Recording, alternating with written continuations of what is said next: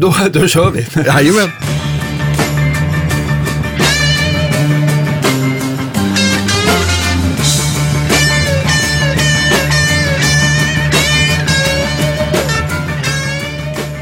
Välkomna till Guitar Geeks podcast, mina damer och herrar. Eh, ni har med eh, de tre musketörerna, Knatte, Flatte, Chatte. Och så vidare. Ja, vad finns det mer så här på trio som man, som man tycker är kul? Jag tänker på Eh, Bee Gees kanske. Nej, nej. vi släpper det tror jag. Race. Race, ja ja. Cissi Topp är Ja, det, ja Cissi Topp. Ja. Bra.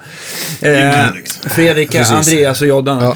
Eh, och idag har vi faktiskt glädjen att eh, kungen från Dalarna har kommit, nämligen Thomas Larsson har gästat våran podd. Ja. Det är stort. Ja. Det känns jävligt kul tycker Varmt jag. välkommen. Ja. Tackar, tackar. Vi, vi, ja, Andreas bad dig att ta med lite saker och det har du gjort. Så att eh, vi ska både prova din Geezer eh, förstärkare som ser ut som en två, väldigt tjusig tvåenhets eh, rack eh, preamp. Kanske det viktigaste, det är hammarlack på den. En Hammarlack, ja. Hammarlackering Metallic. låter ju bättre, det vet man ju. Ja, ja. Ljusare Sherwood Green. Det, det ser man ju. Ja, exakt. Och sen har du din senaste eh, kombo. Den, har, har den fått något namn eller? Nej, den har inte det. Men du, du fick in en Twin och en, en JCM 800 med reverb i, i, i en storlek som motsvarar typ en Blues Junior. Bra jobbat. Ja, Lux. Ja, Ja. visst. Det, Ja. det, hög kompressionsfaktor där. Ja, Precis, på alla, alla plan. grymt. Men har den loop också? Ja, den har loop. Och, Ja. och den kommer snart och ska koppla in fjärde reverben också. ah, Nu, nu äntligen fick till distljud där. Mm. Vi fick ju tjuvhöra lite grann här i, här i början. Men om, om vi, eh, alltså, har du alltid hållit på och pilla i gitarrförstärkare också? Lika länge som du har spelat eller? Ja, jag, jag utbildade mig till ingenjör någon gång. Slut, jag gick ut 84 och då på något jävla sätt så... Jag, fick, jag vart jag aldrig nöjd med ljudet. Så jag hade köpt en Bogge av Claes Yngström som han importerade. Och den tyckte jag var så jävla schysst häng i liksom. Mark 2B heter den. Ja, Men det fanns ju inget... Jag hade en Marshall också. Den var jättestort ljud. Men det fanns ingen dist i den. Så jag tänkte, hur gör man? Eh, och det slutade med att jag oftast linade ut den här boggen i den här stora Marshallen. Så vart det liksom allting bara bra. ja just det. Så det blev, den blev som en, ett, som en preamp helt enkelt. Ja, det vart en jävla dyr fastbox. Ja. Det var ju ganska frän förstärkare på den tiden. Det var en av de, de tidiga som fanns i Sverige. Ja. Som Claes importerade. Han gjorde ju det då in- innan de fanns här. Ja, Och då kommer jag ihåg att...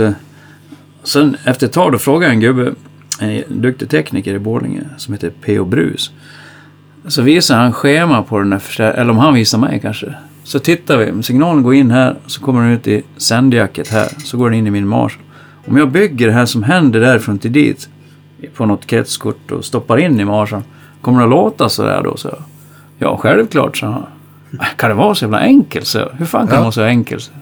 Så jag byggde in en boogie preamp i den där Marshallen sen då. Och det var ju som han sa, det lät ju sådär. ja. Skitfränt. Det var den första. Det var så det började. Va, Vad var det för Marshall-förstärkare? Det var en helt vanlig, någon sån här 70-tals, Ja, JMP. ja, med fyra hål i. Ja. Jaha, okej. Som bara lät högt och, rent. Ja. ja, Alla försöker bygga pedaler som låter som en sån. Jag tänkte, vad ska man med det till? Jag hade ingen användning. Om jag drog på den på fullt, det bara sprakade till lite. Så var det... Det var väl inget ljud man ville bygga en pedal av, trodde jag. Liksom. Men nu gör de det allihop. Ja, Ja. precis. ja det, jag har aldrig fått det att låta som jag vill liksom. Bara ta en Marshall och göra sådär med. nej, Det är bara spraka till lite i dem tycker jag. ja. Men lite av det här Marshall, alltså det som är klassiska Marshall sound, det är väl att många kör någon form av eh, booster eller preamp eller någon, någon drive innan. Tillsammans med den här slutstegsdisten som blir lite magiskt. Är det någonting som, eh, det har inte heller fallit dig i smak, smaken. Jag tänker liksom så här, eh, Blackmore. ja, Ja. Jag, men jag tänkte så här Yngve, Dodd 250 in. Det finns väl hur många varianter som helst. Jag tänker väl på eh, Angus, att han, han kör väl, vad heter den preampen som de kör? Ja, men det är ju Dallas. Den har, Ja. han, det är väl någon gammal trådlöst, trådlösa, precis. trådlöst system. Jag har provat den. Ja, jag kommer inte ihåg vad den heter. Men... Jag trodde han hade... Ja, jag vet ju inte vad han kör på för grejer. Han har säkert bytt under åren. Ja. Jag trodde han hade liksom såna här, vad fan heter de?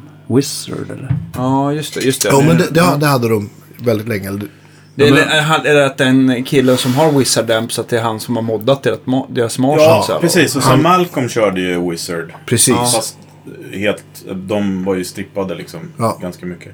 De låter ju asfränt. Ja, behöver man ja. inga doser till dem där. eller? Nej, visst. Jävlar anamma. du, du testat Eriks? Ja, Erik Mårtenssons. fan vad bra den låter. Ja, så inåt. Ja. Vilken, vilken modell var det? För de har gjort ganska många, va? Den Ja, är- du. Vad heter den? Någonting med vintage mm, mod, eller vad fan heter det? Ja, precis. Det heter den. Mm. Exakt. Thomas Lindgren har ju två stycken också. Okej. Så det låter skitcoolt. Det lät som en Marshall-namn, vintage modern, men... Var det, Mycket snabbare attack. var det verkligen så? Jag vet inte. Ja, får kolla. Ja, kolla.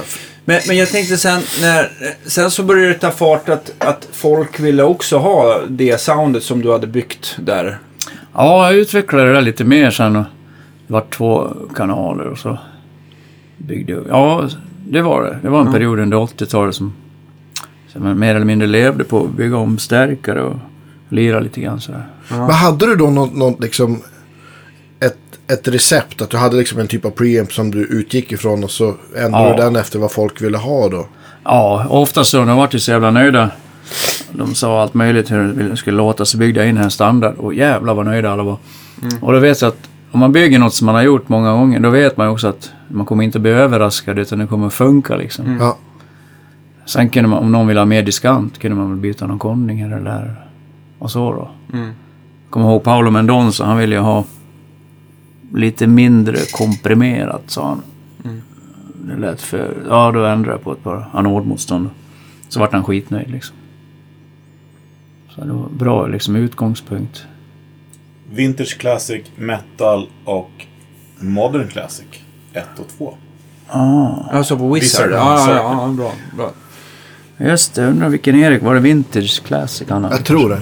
Den känns ju inte så modern. Den känns ju väldigt klassisk sådär. Den har jag anordnat en bengalisk eld i också när jag skulle Ja, okej. byta rör i den.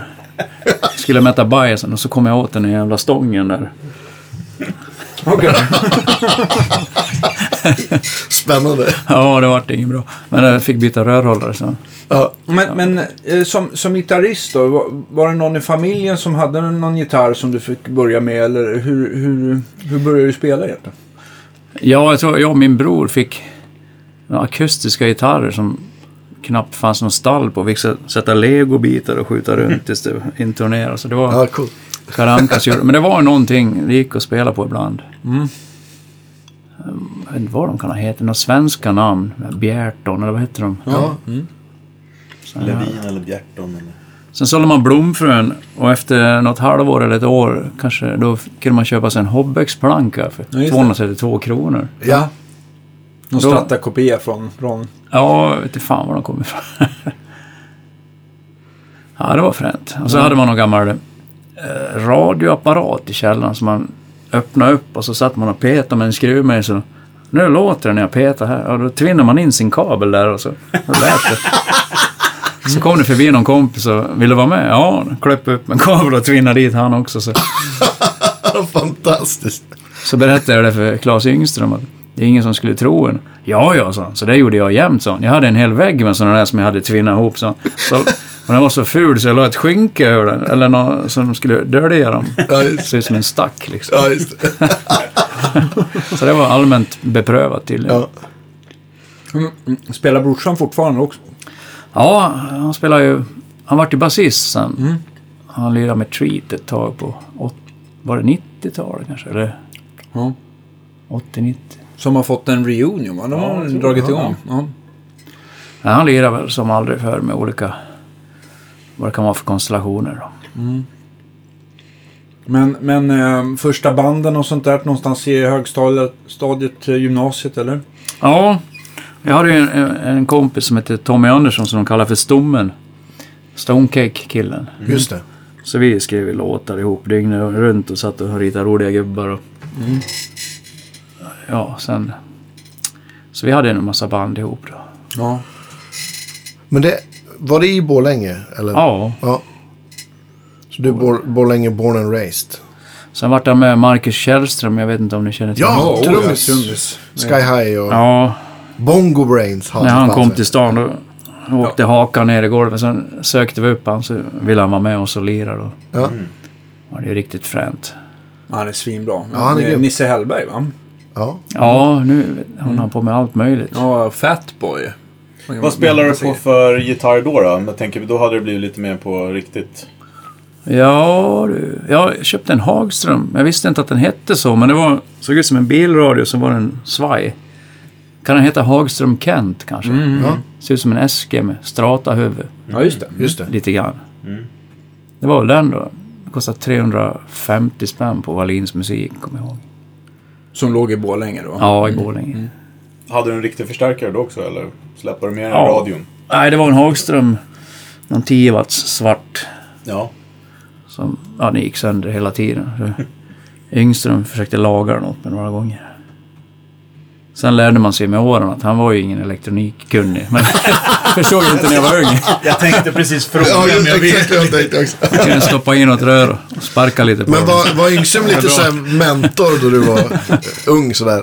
Ja, ja, just det. Jag gick ju på någon gitarrkurs för han när jag var ung. Och sen har jag alltid sett upp till han och, Han och hängde Ja. med på konserter. Och, ja, ville hänga, på, hänga liksom. Han är ju väldigt social. Han är ju omhändertagande och tar med, drar med folk liksom. Ja.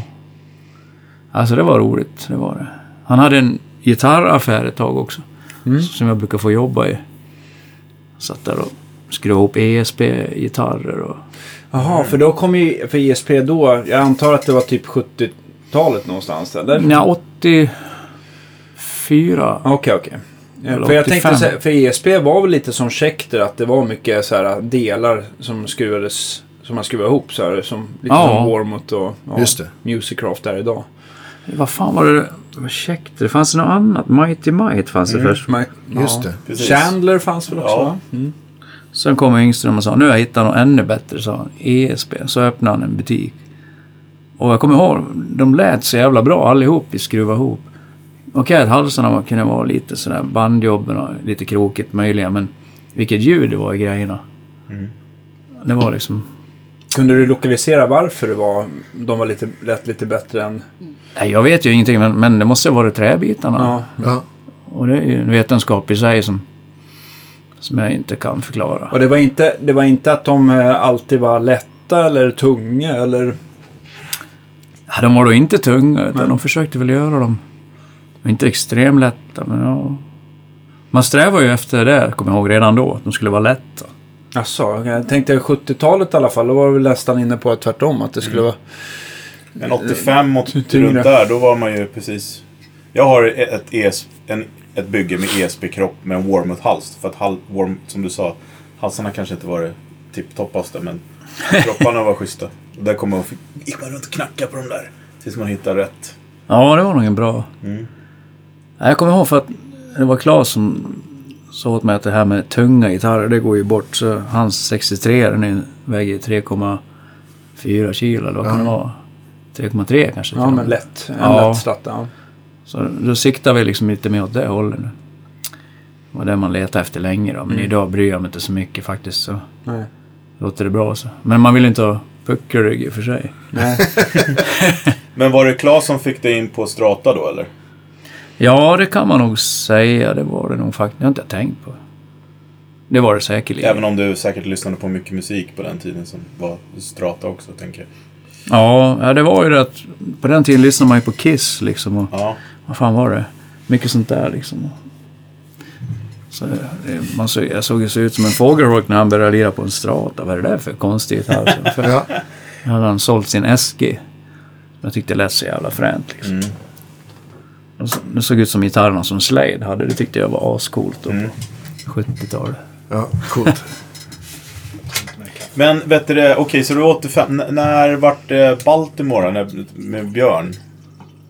Ja, det var ju efter Six Feet Under. Det måste ha varit... Jo just det, förlåt. Då hoppade vi över det. Förlåt, sorry. Ja, men för att svara på den frågan. Det måste vara 87 eller någonting. ja. 88. Var Six Feet Under första som liksom blev skivkontrakt av de projekten? Och, Ja, det var det. ja. Vad, berätta lite om det bandet. Vad var inriktningen och sättningen? Sådär. Ja, de var liksom utspridda över Dalarna. Rättvik och Mockfjärd och Floda och... var någon kille med från Falun tror jag. Men sen hoppade jag med och det vart en Borlänge med kille med och så. Sen tog det inte lång tid innan de ringde från Europafilm Records, kommer jag ihåg. Och då var det ensam gitarrist i, i bandet eller? Ja. Och det där var ju, alltså jag kommer ihåg den tiden för att vi åkte på konserter med Whitesnake och, och allt vad det heter. och. Och, och det fanns knappt i Sverige. Det spelades inte på radion. Det var ju nästan olagligt med hårdrock. Ja, visst. Sen vann Europe Rock-SM och då skulle alla skivbolag ha ett hårdrockband. Och då, åkte vi räkmacka då. Ja. På den vågen då. Som jag kommer ihåg det. Hur lätt är bandet sådär? Jag har inte hört det så jag har ingen koll. Ja, det var väl... Det var väl ganska Deep Purple-influerat fast Ja. åt det hållet då. Det var väl fränt ibland. ja. finns, finns det digitalt sådär? Ja, det gör det. Ja. Ja, vad coolt. Då ska Jag vi... lyssnade igenom lite utav dina alster i morse, men jag, jag, hann- jag hann inte dit till... Eh, jag började eh, nuläge och gick bakåt. Ja, det gjorde så. Ja, ja men det kan ju vara fränt. Tids, Ba tidsresa. Baltimore, vad det då? Ja, det var sångaren då i Six Feet Under som hade något projekt. Jag tror att han gjorde det ihop med Roffe Alex, en Just trummis. Ja. som var producent. Så jag kommer ihåg han ringde upp mig så bodde hemma hos Roffe och vi satt och gjorde demos på någon Atari-dator. Ja. Hur det skulle vara då. Så hade jag några låtar. De ville väl nog ha med mig för att jag hade skrivit låtar tror jag. Ja. Inte så mycket för gitarrspel, det tror jag inte. För att de gillar inte så mycket gitarr tror jag, Roffe. Alltså, Han försökte liksom få ut ett minimum av det där. Minsta möjliga tjatade in gitarrsolo. varenda räka. Ja, var... Jag tror jag fick... Jag hade gjort ett trestämmigt solo på en låt. Och det, nej, det får du inte ha med, sa. Det, det, och så vidare. Liksom. Men sen var det... Då kom jag i något förhandlingsläge. Om du gör det här så får du ha med ditt trestämmiga solo. jag kommer inte ihåg exakt vad det var, men det var någon... Beatles-hand. Ja, det var det. Eh, av, kom si- av Six Feet Under och Baltimore, vilket var mest framgångsrikt? Eller var det något som slog liksom? Nej, det tror jag inte. Eh, Jag tror Baltimore krängde iväg några skivor runt om i... Lite mer kanske. Men eh, det vart väl ingenting. Jag sålde de 50 000 skivor i Ryssland eller någonting. Så Oj, men det jag tror det nu får jag massa pengar. Men, Men, men det bandet var väl lite mer sådär i, i Okej-tidningen och sånt. Ja, det kanske... Vad jag vill minnas i alla fall. Vilket? Ja, Baltimore. Baltimore. Six Feet Under kommer jag inte ihåg. Nej, vi var med någon gång men... Ja. Ja, jag kommer inte ihåg hur det var med det där. Jag var inte liksom med där så länge. De, de har nog ganska hög... Vad kallar man det för? Omsättning. Ja, just det. Och det var en, en gedigen lista då på bandmedlemmar. Just det. Så det var liksom ett, det var mer ett, ett studioprojekt än ett regelrätt band. Kan man Det var det? Björns soloprojekt egentligen kanske. Ja. Vad, vad, vad hände? Eller fortsätt, förlåt. Jag har varit med på flera skivor i och för sig då. Ja. Kommit och gått så här och bidragit. då, Men det var väl den första var nog den enda som jag har varit med och skrivit låtar till tror jag. Just det. På den tiden, vad, vad spelade du på då? då? Var det, jag misstänker någon stack som du hade pillat själv. Då. Då var det någon strata och, och sen hade jag lånat grejer från Estrad, kommer jag ihåg. Ja, Det var någon sån ADA preamp och så fanns Just det någon det. MP1. just det. Cre- Cream Machine fanns det något som hette. Ja. Vi körde rätt in i bordet på Europafilm. Det lät ganska fränt. Hughes and Kettner, Cream Machine. Ah, Ja, det vet jag inte vad det är för något. Jo, men de, men de såg inte så jävla sexiga Halvrök ut. va? Eller? Ja. ja halvrök. Några små grejer. Det skulle ju se ut så då. Det skulle Ja, ja, ja, precis. Art kom ju med de här chockrosa... Ja, men Ja, precis. precis. Man Rock, Ja. Det var det coolaste man hade sett liksom. Rocktron var väl rätt stora kan jag tänka Jo, mig. men det- Digitech hade väl börjat då också va? Ja, precis. Och, ja, det var mycket var ingen, färg. det var ingen slump att man döpte grejerna till gay horror. Nej, Nej, precis. Det, var väl, det var väl också i den, den eh, eran som du började hålla på med den, eller hur? Ja, det var det ju faktiskt. Var, var den idén att du kom med, med den preampen själv eller var det ett samarbete med... Ja, jag hade ju redan en i, själv då liksom. Men så var det en kompis till mig som ville vara med. Så jag vet inte om jag egentligen hittade jag nog på den själv. Men, men vi byggde dem tillsammans. så, På något vis egentligen. Men sen, eh, vi utvecklade ju även vad ska jag säga, det var plåtarbeten och det var hur den skulle se ut, loggan och, Mm. Och sådana grejer gjorde vi tillsammans. Hur, och, namnet Gayhor, hur kom ni fram till det? ja, vi hade en, en tid när vi... Bara inte, vi vill inte ha för mycket att göra. Ja, vi ville bara ha de äckligaste orden när vi kunde, så Ja. brukade vi blanda dem och så då blev det g- gay whore. Liksom. Jag tyckte det var fränt liksom. Toppen! Det är skitbra. Det, det var som jag sa när vi såg så här när du kom att eh, jag, jag googlade det här i, i morse och beroende på kräsmagen med så kan man ju låta bli att trycka på bildsök Ja, om man ska söka på gay hår. Ja, just det. Jag kan tänka mig. Men eh, toppresultaten var faktiskt eran. Det var det? Ja. Mm. Toppresultaten. Men, men det var, då gjorde ni liksom, då byggde ni från scratch. Ja, jag hade ju haft någon prototyp, inte sådär ful som den här, men det var någon rack som jag åkte runt med under några Ja. år. Och det funkar ju ypperligt för mig och alla eh, tyckte jag hade så fränt ljud jämt och sådär. Ja. Så. så det var väl egentligen den som, som vi byggde i fler, fler av då. Fast det såg lite annorlunda ut. Och ni byggde den som en, som en topp då eller? Nej, den var en rack. Det var en rack, okej. det var, e- den var väl eh, en rackenhet. Den Ja. var inte så här stor va? Men sen liksom, eh, den där tiden när vi byggde, det var nog inte så tidigt som man tror, utan det var precis när, när jag började spela med Glenn Hughes 92 eller 93. Då hade vi fått snurr på, så att vi fått ut dem där då. Och så vi hade ju med dem där på dem. Och då började det här med rackprylar nästan och, och lite omodernt. Nu skulle det vara tweed-grejer liksom. Ja. Ja, det var där tidigt 90 typ. Ja, Jag kommer ihåg, Ja. nej, det fan, de hade ju tagit in på Estraden Gayhor i alla fall. Jag kommer ihåg, Ja. jag vet inte om det var Leffe eller Estrad som var mest extas över den. Men det Ja. var, ja, David kanske, jag vet inte. ja, Ja, David. säkert ja. precis. Men, men, eh, men hur kom det sig då? Att man får ju liksom inte bara ett gig med Glenn Hughes här rakt upp och ner. Han, någon måste ju ha hört något eller rekommenderat eller... Ja, det är en lång historia men Ja, men vi har Ja, gott men- om tid så att... Den, den, då måste vi höra den. Som jag minns det så, så började det egentligen med att jag, jag brukar umgås med Marcel Jacob. Och eh, på något vis så tjatade jag på honom att han skulle ta med Hempo i Norums band. Som han själv var med då. Och det slutade med att de, de provade väl det och så blev han kvar där. Och i och med att Hempo kom med där så...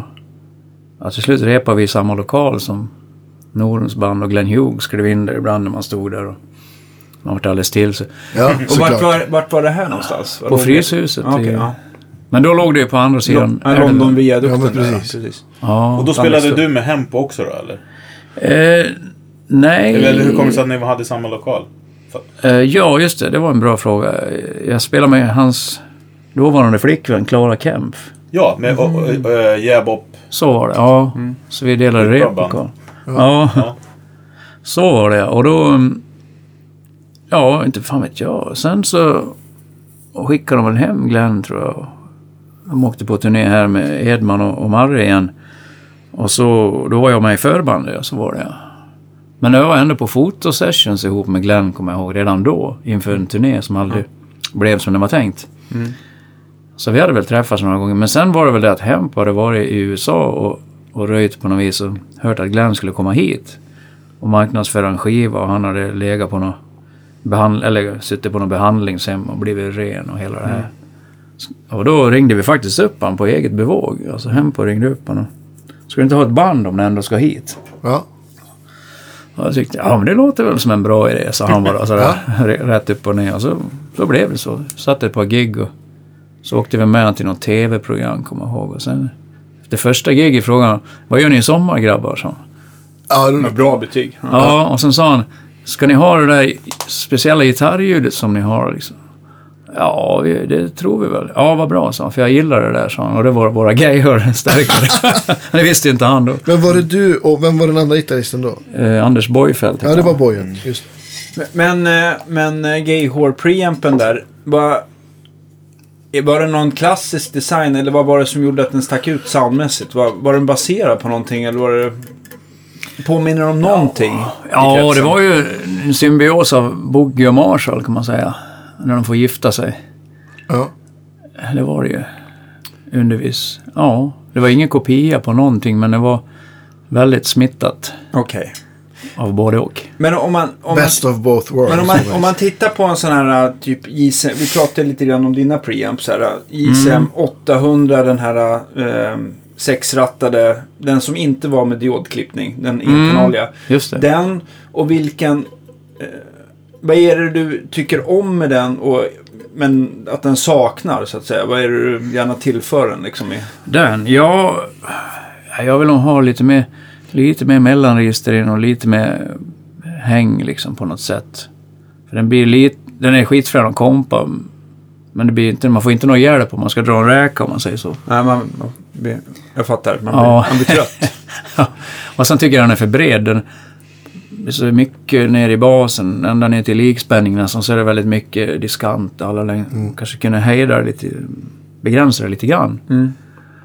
Eh, Men den är, ju- den är ju rolig liksom, beroende på vad man är på för humör. Jag har gjort en hel platta nästan på det ljudet, men jag hade den där. Och där är den rakt av. En sån. Geezern pekar du. Ja, ja just det, gisen. Den ska inte folk se i mikrofonen. nej. Men, kan men, fota den sen. Upp. men är den här baserad på en, en eh, ICM 800 typ eller? Ja, den där mittenraden där. Där, ja, okej. Och jag gjorde hela min, vad heter den skivan? Who's Fooling Who heter den. Mm. Nästan allting är gjort på den. och så hade jag byggt ett slutsteg som ser ut som ett fågelbo. Med två El84 och en hifi-trafa som jag hittade i någon gammal bioanläggning. Och den lät så jävla bra den där transformatorn så jag tänkte jag måste bara få höra, eller den visade bra mätvärden ska jag säga. Den gick till 200 kHz. Okej. Oj. tänkte jag undrar hur det här låter. Så jag kopplade Ja. upp den på ett fågelbo med två el 34. Så märkte jag, vad fan, vad mysigt. Det är liksom ingenting som stör, allting mår bara bra kände jag. Ja. Så då hade jag slutsteg i, i sovrummet och den där nere i studion. Eh, Och så högtalare och mick där. Just det. Kunde jag sitta på en annan våning och bara vrida på liksom. Så då var det nog lika mycket slutsteg som dista som, som den preamp. Just det. Men det vart fränt. Ja. Tyckte det lät bra lite. Men du, jag måste fråga en grej med Glenn Hughes där. För jag kollade på er på Gröna Lund. Ja, Ja. Eh, och, och, det var, och det var jävligt bra. Men jag kommer det var, Spelade ni Smoke on the Water då? Kan ni ha gjort det? ja jag tror det. Och det var någon av er två, gitarristerna, som, som eh, sjabblade bort introt. Och så hela bandet började bara garva. Jaha. Jag kommer ihåg det var så jävla roligt. Jag vet inte om det var du eller den andra hittills, men jag Ja, kommer det var bojen. I och med att han inte är här. Nej men att det var, det var så himla roligt. Ni, ni tittade på varandra och skrattade och så började ni om liksom så här. Jaha, ja, det har jag faktiskt förträngt. Ja. Jag kommer inte ihåg. Jag kommer ihåg det i alla fall. Det var Fränt. så himla roligt att det var liksom här. Någon som såg en snygg tjej och blev helt till sig. Ja, Eller, eller bara fick tilt så här, Ja. Den här, så här låten man har spelat som man såg gitarren första gången. Och så, Det är ett riff som är, är svårt att komma ihåg va? Ja. vi brukar inte köra den med, med Ja, men det kan ha Hughes. varit någon annan låt, men jag får Ja, jag tror att det var det, för att jag Ja. vet att vi gjorde det någon gång och det kan ha varit så att det blev en... Vi blev överraskade då, för att det finns ju olika sätt att starta den på. Ja, ja, men det var säkert Ja. det. Men det var så Ja. himla roligt. Det var för helt plötsligt vart ni så mänskliga. Man kom dit och kollade, rockkungarna stod och posade och spelade skitbra. Och sen så bara sjabblade bort Smoke on the Water i början. Det var fan vad härligt. De är också människor liksom. Nej, det var skitbra konsert. Ja, vi kom från, jag tror vi kom från en turné, eller turné, en, ett gig i Ryssland. Men det kändes som en hel turné för att jag tror vi var där i över en vecka för ett gig och ingenting fungerade liksom. Så man var nog inte i toppform. Men det var den bästa maten du någonsin har haft va? Nej. Men vodkan kan. Det kan man i alla fall. Det gick inte att äta. Alltså, för det första behöver du inte bekymra dig om en meny. För att det kom in, det gick runt en gubbe med en bricka så här till olika bord. Och så bara satt man och då kom det bara in så kallad mat.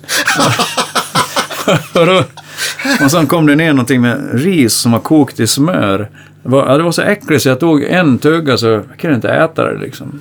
Och det var väl kanske lyxmat för dem men, men för mig var det hemskt. Ja. Eh, det kommer jag ihåg om maten.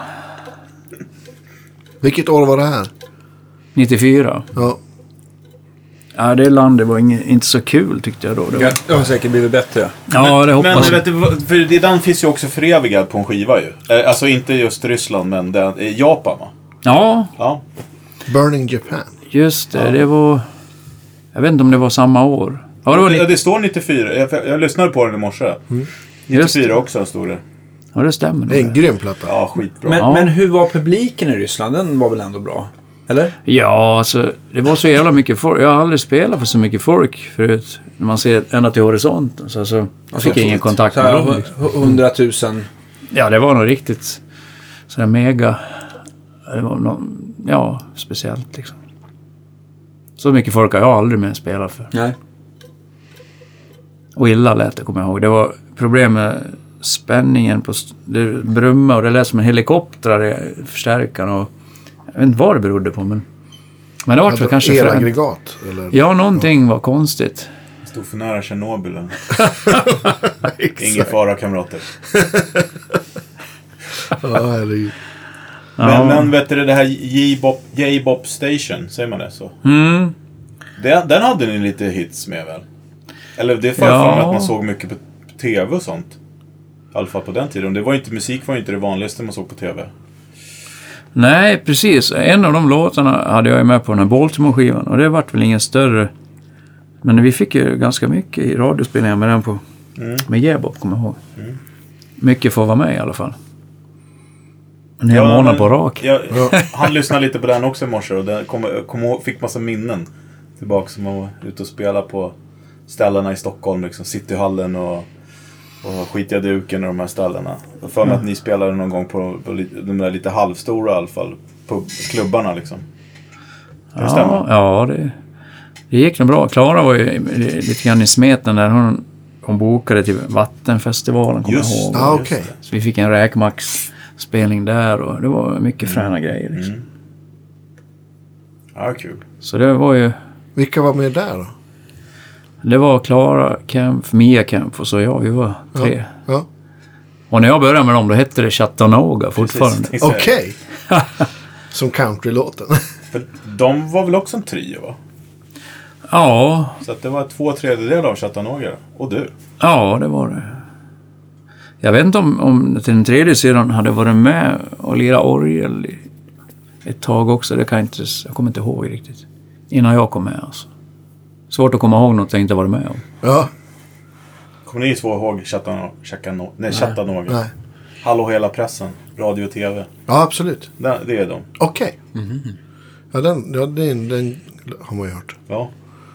Så jag kommer ihåg i början, när- innan vi hade bytt namn, då var, det var därför vi bytte namn. Det var så här förbistring om de trodde att det var slager. Ja.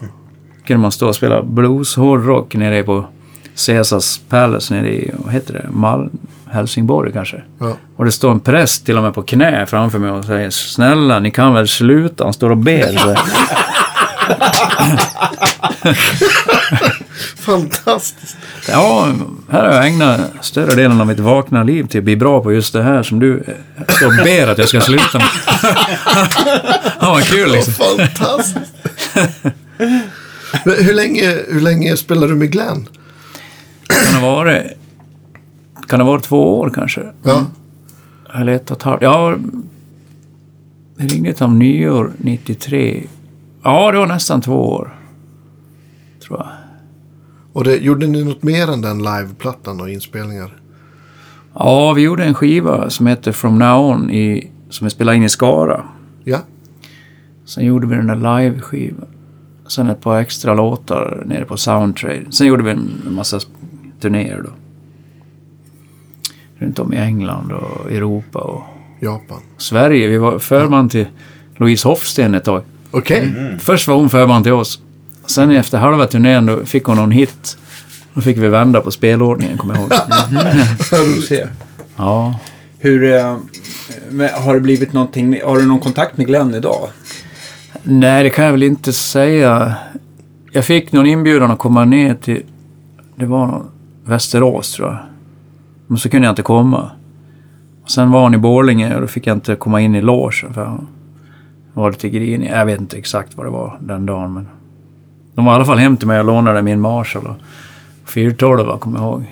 Keyboardkillen där. Men jag fick inte träffa Glenn personligen den gången. Okej. Det är han dansken som spelar med honom, Sören, vad heter han? Ja, var det Ja, det? Han som demade Precis åt uh, TC. TC. Han kanske inte heter. Sören. Johan heter Sören Andersen tror jag. Eller hur? Det, det lät för eh, generiskt för att vara dansk. Ja, ja, men det, Men han heter han, faktiskt heter det. nog det. Han, han är heter Sören. jätteduktig också. Är det någon sorts band de hyr ut till såna här gamla Jag vet rävar? inte. Ja, det kanske det är. Eh, Jolin Turner hade också något danskt. Ja. Fast eh, han har väl även... Jag tänkte att eh, Jolin Turner har blivit backad av de här Dynasty... Alltså Love och de där från Sverige också. Kört lite blandat hans egna grejer med eh, Yngve låtar och sånt där. Ja, det är det. Jag, jag såg han tror jag. Men jag vet inte vad det var för folk. Det var ju ganska fränt. Ja, för jag kollade på ett, ett Yo- YouTube-klipp när de spelade nu ganska nyligen. Och så körde de Burn då såklart. Eh, och så sen jag lyssnade i morse på, på eran inspelning där. Så han, han är lite rispig i rösten där när han går upp på de där jättehöga. Men nu, nu är det crystal clean alltså. Nu, nu, hur gammal är han nu? 70 bast eller? Ja, 52, vad blir det? Ja, ja sex, 68. Eh, eh, ja, precis. 68 bast. Ja, just det. Ja, han sjunger skitbra fortfarande. Ja, han sjunger så Jag, bra. jag tror att de stämmer ner ett det, det, halvt. det gör de säkert. Ja, men det gjorde vi inte då. Men, Nej. men jag tycker han har inte tappat en en hedge, eller på säga, Nej, nästan. Nej, jämfört verkligen med. inte. Helt fantastiskt. Ja, Han låter asgrymt.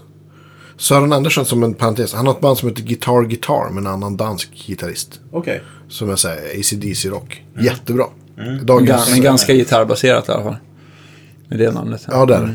Ja, men det låter typ som ACDC. Ja, men det är den typen av så här, classic rock. Ja, nog det. Jag tänkte också så här, tidiga influenser för dig. Vem var första husguden? Ja, det var ju Richie Blackmore. Det var Blackmore, va? Klockrent, ja.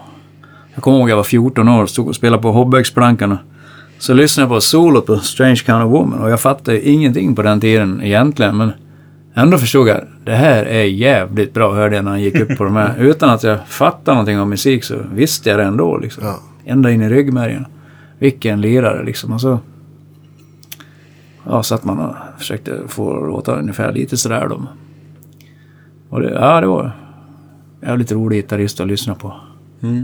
Var det några andra som du upptäckte efter som har blivit lika stora förebilder som Blackmore? För mig? Ja, Larry Carlton.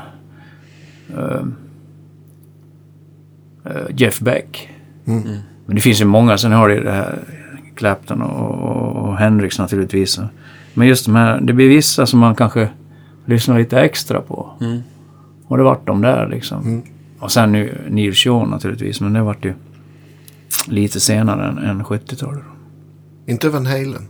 Jo, just det. Fan vad dum jag är. Det är så självklart. Ja, ja, det har ju varit en väldigt stor inspirationskälla. Jag tycker han är, verkar vara lika bra än idag. Ja, Fast han har lite annat ljud bara. ja. Han spelar ju fortfarande så att man märker att det går aldrig att förutsäga. Du kommer ju alltid att bli överraskad. Jajamän. Ja, en stor dus liksom, eh, humor som man blandar in i sitt spel. Lekfullhet på något sätt. Det är fantastiskt bra. Alltså. Ja, verkligen. Och då glömde jag ju Steve Morse när vi snackade humor. Då Ja. kom jag på han. Sjukt va? Ja, Han är riktigt rolig han. Både på att spela och prata. Ja, känner du honom? Nej, jag bara... Jag träffade honom några gånger och, och sen har jag varit på någon klinik och jag har ju skrattat ihjäl mig. Han är ju så jävla rolig. Alltså, okej. Han skämtar ju om allting hela tiden och så, så intelligenta skämt. Ja, men han verkar vara väldigt verkligen skön. får vara på din vakt för. Så bara viker man sig dubbel av skratt mitt i den eller för en räka liksom. Ja, Helt makalös. Ja, han är väl i dagsläget den gitarrist som har varit med längst i Deep Purple. Ja, det var Ja, det är han ju. Ja. Med hästlängd. Ja, med hästlängder. Jag kommer ihåg den här, eh, den första gången jag kom i kontakt med Steve Morse. Det måste ju ha varit i Guitar World eller Guitar Magazine eller någonting. Men Att, han liksom, eh, att jag reflekterade tidigt att han var en så här praktisk gitarrspelare. Det, det handlade inte om hur gitarren såg ut eller det var handledsskydd och det var det där och det var mikrofoner som satt så här. Han är väldigt praktisk på så sätt. Så att, och övar jättemycket, helt frenetiskt liksom. Man, man, hans historia om när han var pilot och satt och övade i... ja just det. Ja, Just det, skulle landa också. Ja, precis. satt planet på autopilot Ja, och exakt. satt Satt han och övade. och Och till och från jo- till flygplatsen också i bilen. Så, så, Helt f- fanatiskt liksom så här. Ja, det sa han ja, att han gjorde. Ja. Mm. Körde bil. Det var bara två timmar bilväg rakt fram. Precis. fanns inget att göra liksom. Tog han fram gitarr. Ja. Ja. Han är ju rolig. Han är Han kanske hade en sån här modern Volvo då som, som, som höll sig inom filen. Ja, precis. Nej, Ja, jag var, ju, jag var ju faktiskt i Florida en gång och skulle åka hem. Och så blev planet inställt. Ja.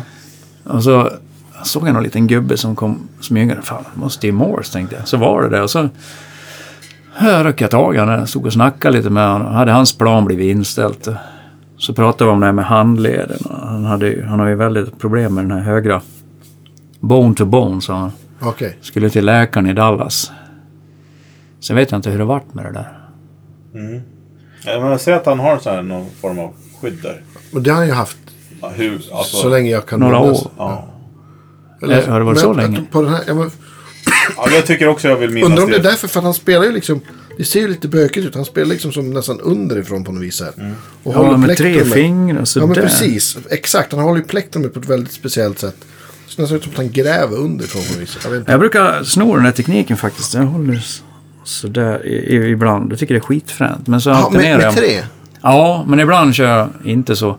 Men vad tycker du, vad vinner du på det då? Eller vad är det? Jag vet inte för att eh, det blir av sig själv. Så att eh, jag har bara märkt att varför gör jag sådär nu? Och nu gör jag med två fingrar. Jag har ingen aning.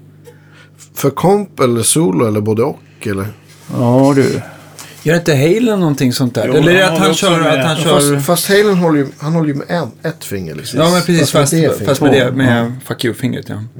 Långfingret heter det. Ja, Fuckfingret. Ja, det blir man får en jävla styrsel rent ut sagt på plektrumet om man håller med tre liksom. ja, men det blir ju stiffare. Det blir ju... Det blir ju bara handleden då. plektrum i luften Ja, men precis. ni som Ja, ja. Annars kan man ju... Det måste se helt mongo ut. Ja, det Sitta och ser- vifta på ingenting. Man kanske hör luftdraget. Ja, precis. Ja, ja. Ja. Ja, men jag skulle precis till att börja prata om det där med, med Steve Morse. de- Hur man hade tänkt någon annan teknik nu när han var, hade ont i hand. Typ lite jazzigare så här. Men, men jag kom aldrig så långt för sen fick han lov att gå iväg med någon, någon flygtant där. Ja. Det var synd. Jag tänkte det här blir kul tänkte jag. Ja, han är ju en drömgäst också såklart. För då hade han precis sagt ja hur mycket tid som helst att slå ihjäl så, så det gör Ja. ingenting. Så ja, här blir roligt Du börjar boka om ditt flyg jag. Ja, vårat var inställt. Det, Mr Larsson, go to gate. Ja, exakt. Ja, det, ja, men det är kul när det blir så här tillfälligheter. Och Ja. Man är öppen också för att dela med sig liksom. Det är inte Ja. alla som är heller. Nej, nej, han är ju så jävla ödmjuk så att... Ja, han är, man vet ju nästan, man vill nästan inte gå dit och besvära honom. Man vet att precis. han kommer bara slösa Men bort han är tid. väl också... På mig. Jag gissar att han är ett obota gitarrfreak också sådär, på så sätt. Ja, Gillar att nörda. Ja, det, det tror jag. ganska frän grej med han. Jag är ingen expert på den här klassiska tekniken, men, men det känns som att han är en av de få som är väldigt bra på båda. Mm. Är, är inte det ganska ovanligt? Jo, det är det ju. Han kan ju spela klassisk gitarr på riktigt liksom. Ja, jag vet inte hur vanligt det är. Nej, det är jag, kommer, jag kommer bara ihåg min gamla gitarrlärare från... Alltså, som vi haft i podden, Janne Granvik. Han var ju vass på bägge. Ja, just det. Men han var väl utbildad. Han var ju hårdtränad på klassiskt. Ja. Ja. Mm-hmm. Det är också faktiskt min gamla. Vi, Ja. gick, vi gick ju där samtidigt. Ja, just det. Ja, fast, ja, Ja. samma period. ja, just det. Men han var ju duktig på klassiskt. Med, Verkligen. med, Han berättade om sin elaka lärare som hotade med stryk om man inte övade och sånt. Ja. Var bättre förr va? Ja, ja, exakt. Finska gränsen där uppe. Ja. De är ganska barska och hårda. Var det ordning. Ja. Men bra blev det. Tog du några lektioner? Är du mer självlärd? Nej, jag gick på en blueskurs, tio kurser för Claes Yngström. Ja, just det. Ja just det, sen hade jag någon liten period i skolan. Då fick jag spela Dunderklumpen kommer jag ihåg. Men de hade ju problem med mig för att jag hade ju inte gått den här rätt, rätta vägen som man gjorde på 70-talet. Att man skulle sitta med foten på en pall, spela Lilla Snigel eller vad det är och lära sig Full koll på blockflöjt. Ja, blockflöjt och så det, var, det skar sig efter ett tag. För, eh, alltså idag är, är musikutbildningen mer tror jag flexibel än vad den var då, tror jag. Nu kan du få spela efter öronen. Ja visst, och särskilt om man spelar instrument som är mer gitarrbaserade. Eller vad säger jag? Eh, gehörsbaserade som gitarr till exempel. Mm. Eller elgitarr. tror det var lite stelbentare på den tiden. Det Faktiskt. fanns väl ingen... Det fanns väl, det fanns väl inte ens utbildningar för liksom annat än klassisk musik förrän kanske mitten på 80-talet. Skulle du spela något, skulle du spela jazz fick du gå något individuellt program tror jag. Och liksom och pop och rock fanns inte överhuvudtaget. Nej. Det finns ju i dagsläget liksom från alla åldrar upp till högskolenivå. Kan du ju liksom gå, ja men,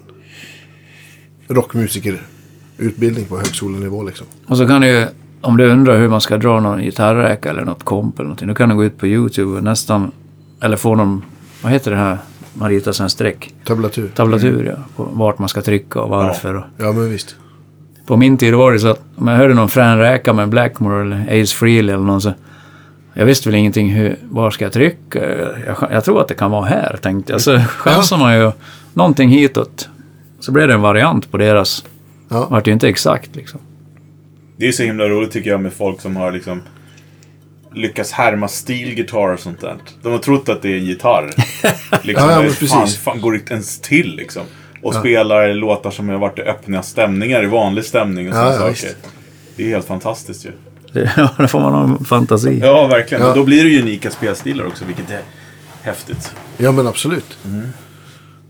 Ja, men det, det är ju tycker jag är, är vinsten av att planka saker så på örat istället för att liksom kolla upp hur, hur någon liksom, e- egentligen har gjort det. Att man, man vinner ju en massa egna licks på vägen dit. Ja. Om man ska plocka någonting. Istället, för, om man, istället för att bara få facit på det. Det är som den gamla slitna klyschan, alltså vägen är målet. Men där är det ju verkligen så. Men idag med alla de här hjälpmedlen, jag, jag brukar planka först på örat. Och så kollar jag på originalartisten. Var på halsen de spelar. Så Ja, just får det. ett hum om så här, om det är där eller där. Ja. Och, och sen så försöker jag få det. Och sen så kör jag fast. Då kollar jag på någon sån här någon tab. Bara för, Ja. bara för att få liksom lite tips. Absolut, Det är- ja, men det är är toppen. Ja. Och man kan ju till och med dra ner hastighet på YouTube. Man behöver inte ens en, en, en app för att göra det längre. Jaha. Man kan ju ändra hastigheten. Mm. Det finns ju, när man går in där så kan man liksom dra ner hastigheten. Det finns Det är också, faktiskt- någon, jag kommer inte ihåg vad den heter nu, men det är den här, det, det tabbar, nej ackord. Ja, ackord eller tabbar, man kan nog få båda. Och samtidigt som spelar YouTube-filmen. Jaha, okej. Ja. Så- Men det, är någon, det måste vara ett program, eller? Ja, det, ja, nej, det är en webbsida. Jaha, okej. På, Så du lägger in en poplåt och så kommer det upp liksom... nej, man söker det, den har, om de har den. Ah, ja, okej. Ja, och så går då, spela, går ett streck samtidigt som videon går då. Ja. Man liksom, in, ingen instruktionsvideo, en vanlig musikvideo då, liksom, eller någonting sånt, med låten. Liksom. Supersmidigt. Det, kan, det är nog rätt fränt. Det är nog roligare kanske. Börja lira rock idag på det sättet. Det är lättillgängligare. Mm, ja, verkligen. verkligen. Och det också blir det då att det inte blir lika hög, vad ska jag kalla det för? Sjunker inte priset när det finns med? Tillgång och efterfrågan. Ja. det blir inte lika intressant. Men jag tycker allting är liksom, det är, instrumenten, du får ju skitbra instrument för inga pengar alls. Musik finns tillgängligt, du kan lära det och det är mindre tröskel, verkligen. Mm. Eh, och, och börja om man vill. Å andra sidan så är det väl annat som gör att folk inte... Jag, jag kommer, att inte de fortsätter. Jag kommer ihåg Janne Granvik där, vi pratade mycket om det. Om, jag sa det, om jag skulle öva lika mycket som du Janne, då skulle de hämta mig i en ambulans. I, när man bor i Stockholm liksom. Det går ju inte. Man blir Folk tror att man är galen. Ja, ja. man ger upp ganska lätt idag. Innan man kommer ja, det kan jag tro. över tröskeln. Liksom. Det är så mycket annat som lockar. Jag tänkte säga Janne i Haparanda. Ja, Ja. På 70-80-talet Ja. här. Vad fanns det då? ja. Ja. Ska äta, Men gul, det- ska äta gul snö eller spela gitarr typ? En tv-kanal. Nej, men det det, det, roligast. han, han, pra- det var i alla fall under långa perioder som det var åtta timmar om dagen. Liksom. Ja, ja, visst. Men det är väl det som eh, krävs. Ja. Efter fyra, fem timmar börjar det kunna göra lite ont lite här och där i, i lederna tycker jag. Mm. Man måste ha paus. Det är vad det man... som- Vad, vad Ja. heter den där eh, killen som spelar Strandberg-gitarr? Per Nilsson. eller? Ja, just det. Han, han övade ju sönder... Det är ju med på den där... Axman of Sweden, va? Eller vad heter Ja, precis. Han övade ju liksom sönder. Han fick ju inte, inte spela på ett år. Jag tror att vi pratade om det i våra avsnitt. Va? Ja. Om, Ja, visst. om man- folk vill gå för... Ja men precis, han började planka saker och började, ja. Eller skriva, skriva ner och hålla på med produktion. Och. Det med att du får förslitningsskador, det har jag en kompis som, han gick på, på musikskolan i Trondheim. Han har gått Bollnäs folkhögskola, tog sig in i Trondheim. Och efter halva terminen där så var han tvungen att sluta. Och han kunde inte spela gitarr på fyra fem år. Kunde han inte ens röra en gitarr. För han hade liksom så totala liksom, kronisk värk i, i båda armarna. Båda armarna. Jajamän. Ja, det är ju... tar lite på krafterna. Så kommer jag ihåg när jag, eh, i början när jag var lite yngre, i 20-årsåldern, då fick jag ont här bakom, bara på axeln. Ja. Men då visade det sig att jag satt och klämde åt så här på någon jävla vis när jag hade en Aha, svår... du nöp åt gitarren? Ja, så att eh, jag hade sprungit till en massa kiropraktorer och, och jävelskap och det vart, kom ju bara tillbaks. Ja. Då visade det sig att, då jämförde vi, om du tar vänsterhanden och drar fram, nu kan inte ni se det. Ja, vad man gör. men, eh, men eh, Och då stretchade jag ut den här så på fyra dagar var jag som ny. Va? Och nu spänner jag mig inte så mycket när jag varit äldre så nu har jag inte det problemet. Jag lyssnar på den här Riff Raff på Ja. vägen hit. eh, Som är en jättebra amerikansk gitarrpodd. Jag kan rekommendera. Och då var det Greg V Mm. med. Och han berättade just det när han träffade eh, Paul Gilbert när han var liksom ny. Och de där, han sa de där killarna kunde så här shredda en timme i sträck. Han bara, jag kan shredda i 25 sekunder. Sen så fick jag fått upp ont i njurarna för han spände sig så mycket i kroppen. Njurarna? Ja, men liksom. Och jag förstår vad han menar. För att, liksom, du vet, när man, så Ja. som ett russin kryper upp liksom för att spela snabbt. Ja, men, men Paul Gilbert då, de kunde cha- chatta på hur många timmar som helst. Ja, Ja, jag vet att. Erik Johnson sa att det jag för- försöker tänka på när jag ska göra någon svår grej, det är att andas normalt. Så, Ja, så tänkte, men- det skrattar jag åt. Liksom, "Åh, vad fan ska det vara för? ja, precis. Jag Men brukar- egentligen är det ganska bra. Jag tror att det är Det är jättebra. Det var- jag spelar min trummis som har snöat in på andning och kollar massa andningsvideos på YouTube. Jag vet- och han han bara, ja, jag spelar så jävla mycket bättre. Alltså jag vet ju själv, alltså live, att jag kan, när det är något solo eller något parti sådär, så att jag kan hålla andan liksom. Ja, just så jag kommer på mig själv bara! Ja, Du börjar svartna och du får kramp. Och så här. jag kan lösa jag får man, feeling. vet du. ja, ja, men om man tar in lite luft innan den svåra räkan, då är ju chansen stor att, att den åker ut. eller Att man inte försöker dra in ännu mer. Ja, Jag tror det är bättre Ja, annars dagens innan ja, absolut. än efter. Det är bra att andas. Absolut. Dagens tips. ja. Jag jag tänkte på eh, din fina ESP-gitarr som du håller. Eh, det är en sponsgitarr från ESP. Ja, jag fick den här faktiskt. Det trodde jag inte, men... Men vad, hur, eh, var det de, hörde du av sig till dem för att du såg den eller var det tvärtom att här har du eller hur kom det sig? Hur var det här då? Jag hade samarbete med ILT och Anders Bendrix. Ja just det, just det. Ja. Det var nog hans förtjänst. Och så Som jobbar på Mart för Martin. ett tag, ja. Han har ju sålt ESP sedan urminnes tider tror jag. Just det, för han jobbade på Boogie innan också va? Ja, kanske var hans, Boogie Music. hans musik, hans affär kanske. Ja. Det vara. Eh, sen, eh, ja, så stack jag åt den där japanen, vad heter han nu då? Han fick en hembränd skiva om min kommande soloskiva. Ja. Och sen vet jag inte om han vart så glad för det då, för sen fick jag den här sen. Eh, det var en, en liten skråma här nere, om du kan tänka dig. Alltså det var någon skråma här. Och sen var det en Jeff Beck svart, heter, Jeff Beck Black heter färg. Ah, Ja, det gör ju ingenting så här, om den heter så. Och sen var det en liten skråma här. Och som du ser, som det ser ut idag så Så. det gör ju ingenting. Nej. Den skråman är ju... När fick du den där? Ja, vad kan det vara? 2000... Jag vet inte. Jag kommer ihåg att jag var på omslaget på en gitarrtidning. Fast kanske. Fass. Fast, Jag jajamän. vet att du hade fått Mm, den då. det, det, 2000 någonting, ja. så det, det där googlade jag faktiskt i morse. Men, det kom, men Fredrik kommer med facit. Jag. Det var första gången jag såg den gitarren i, liksom, i Och det roliga var, jag hade ju aldrig känt på den. Och eh, jag bara tittade på den på en bild och så fick jag för mig att den där låter bra, fick jag för mig. Så här. Ja. För att det var någonting, jag hade någon teori om längden på hals och sådana här grejer, att det skulle påverka det här, var den sitter. Och, det här vill nog låta bra, tänkte jag. För att den är lite så här. m- Många drar ju paralleller med PRS sådär. Att den är att den är lite utvecklad. Jag tror Mm. att det är äh, Fender-svaj på typ. Med eh, lite mera Gibson-aktig eh, kropp och välvtopp och sådär. Limmad hals. Ja. Men, det, men den låter inte som en PRS eller Les Paul. Lite, lite Nej. mer Fender, va? Nej, Jag kan säga att den är precis fyllt moppe.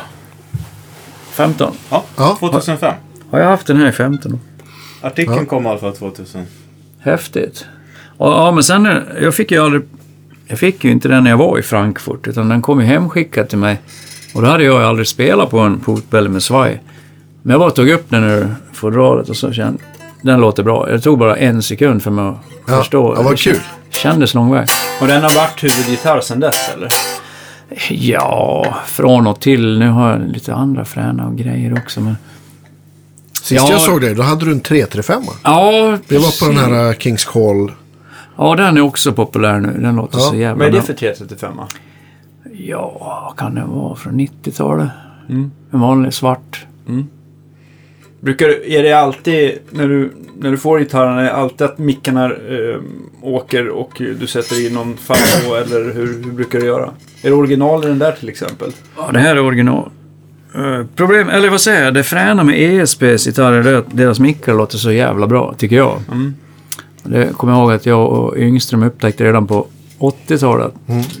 Vi gillar deras mickar, både jag och Claes kommer jag ihåg. Och flera som jag känner. Jag tycker de låter rätt bättre än Fenders egna på den tiden. Idag gör ju Fenders jävla bra mickar och Ja, visst. Gibson också. Men, men det var ett tag där när jag inte tyckte det var så riktigt. Nej. Gång på 80-talet. Eh, Men de här, de låter svinbra. Och det är inga Duncans eller någonting utan det är deras egna modeller? Ja, det är deras egna. De är så jävla bra. Och det här är... Halsmicken är en Puff på 7,6 kilo med en Alnico 3 tror jag. Ja. Den här är också på 7,6 kilo här i stallet med någon keramisk. Och ofta får man ju höra att ja, keramiska mickar det låter ju inget fränt liksom. Eller det låter för mycket hårdrock. Men jag vet inte, den här låter svinbra. Men oftast är det att keramiska mickar också brukar ha så fruktansvärt mycket spoltråd så att det blir bara Ja. näsa kvar va? Men Ja. mäter de neråt 7,6 Då är det inte så mycket tråd på den. Nej, men Nej. de får ju kraften mer från magneten då Exakt. istället. Mm. Det är ju lite Björn Juhl och, och, och, och Lundgren så har ju de gjort strattamicken. Att det är hetare magneter och mindre tråd. Och mer liksom. Nej men alltså tråden är ju ungefär, om, om du tänker på signatursättet där Ja. så är den ju ganska rakt av en klassiskt eh, eh, så här f- 63, alltså den mäter Ja, mellan se- 6 till 6,5. Precis. Den här stora feta forward-tråden. Så att det är ganska klassiskt. Men Ja. däremot så är... Nej, jag menar inte, alltså inte tjockleken på tråden utan hur många varv det är lindat. Att det, Ja men precis. Man får, men, men, men varv. med heavy forward får du inte på mer än typ 6,5 ah, okej, kilo. jag förstår. Är du med? Men gör de humbuckers med formware? Eh, jo, eh, för jag vet att Lundgrens eh, och Björns samarbete, den halsmicken har Formar.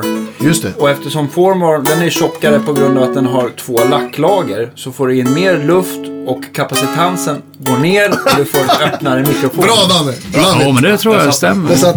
Jag har också funderat på just det där. Det, och det är inget skämt. Det är sant. Nej. Men för jag har ju märkt att du kan ju micka med samma magneter och samma tråd. Och det låter skit om det låter bra också. Mm. Det är ingen garanti för, för någonting, eller hur? Nej, nej. Men jag gillar de här. Det här är liksom stallmicken på en humbucker.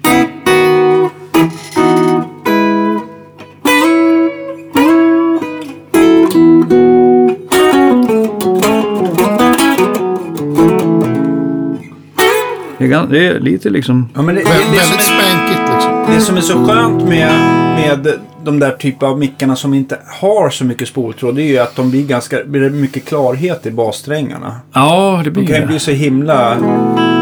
Alltså, fil, filten över på något sätt.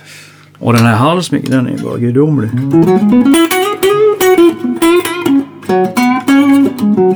Det låter nästan som en stor single coil istället. Eller har du... Är den, P90. är den, är den, är den splittad nu eller? För du, Nej, har två, den är- du har ju två switchar på den va? Ja, nu är den fullt. Du har en mickväljare, volym, ton och vad gör den, vad gör den andra switchen? Det är en split. ja. Så här låter den splittad. Men snyggt splittat ljud ändå. Det är inte alla handbacker som är fixade. Nej, och stallen låter... Splittad och... Nu är den full. Men ändå inte så här. Jag tycker också så här när man splittar en handbacker att det kan bli ganska stora volymtapp. Men jag upplevde inte det, i alla fall på den stärkan och det ljudet du spelar nu i alla fall. Jag vet inte, någonting är det ju. Men... eh, Man tappar mycket i midden, men, men det är väl kanske det som man vill också. Ja. Men, eh, men eh, jag tänkte så också på, du har ju släpat med lite starkare här. Den här, eh, den här eh, som du har både fått in en, en, eh, en eh, ja, Twin och ehm, var det en JCM 800 i, i samma I den här, ja, kabinett? Det blev lite trångt sa du. ja precis. Det är ju, hur många rör är det? Kan det vara fem preamp-rör? och- Eller sex kanske? Oj. Kanske till och med sju. För det är ju reverb och. Ja, retur, retursteg för effektloop och sen är det två kanaler. Och sen, ja, det går åt lite. Men är det här en stärkare som du har bara byggt på skoj till dig själv eller är det någonting som man kan knacka på din dörr och eh, med en säck pengar och eh, få dig bygga? Ja, jag har inte tid att bygga här grejer längre. Men det, var först tänkt att bara ha själv. Och, och sen som ett projekt. Men den blir ju aldrig klar. Jag började ju med den för tio år sedan. Den Den är så trång att komma in i lödkorv, med lödkorven i sig. Ja. Men vem vet?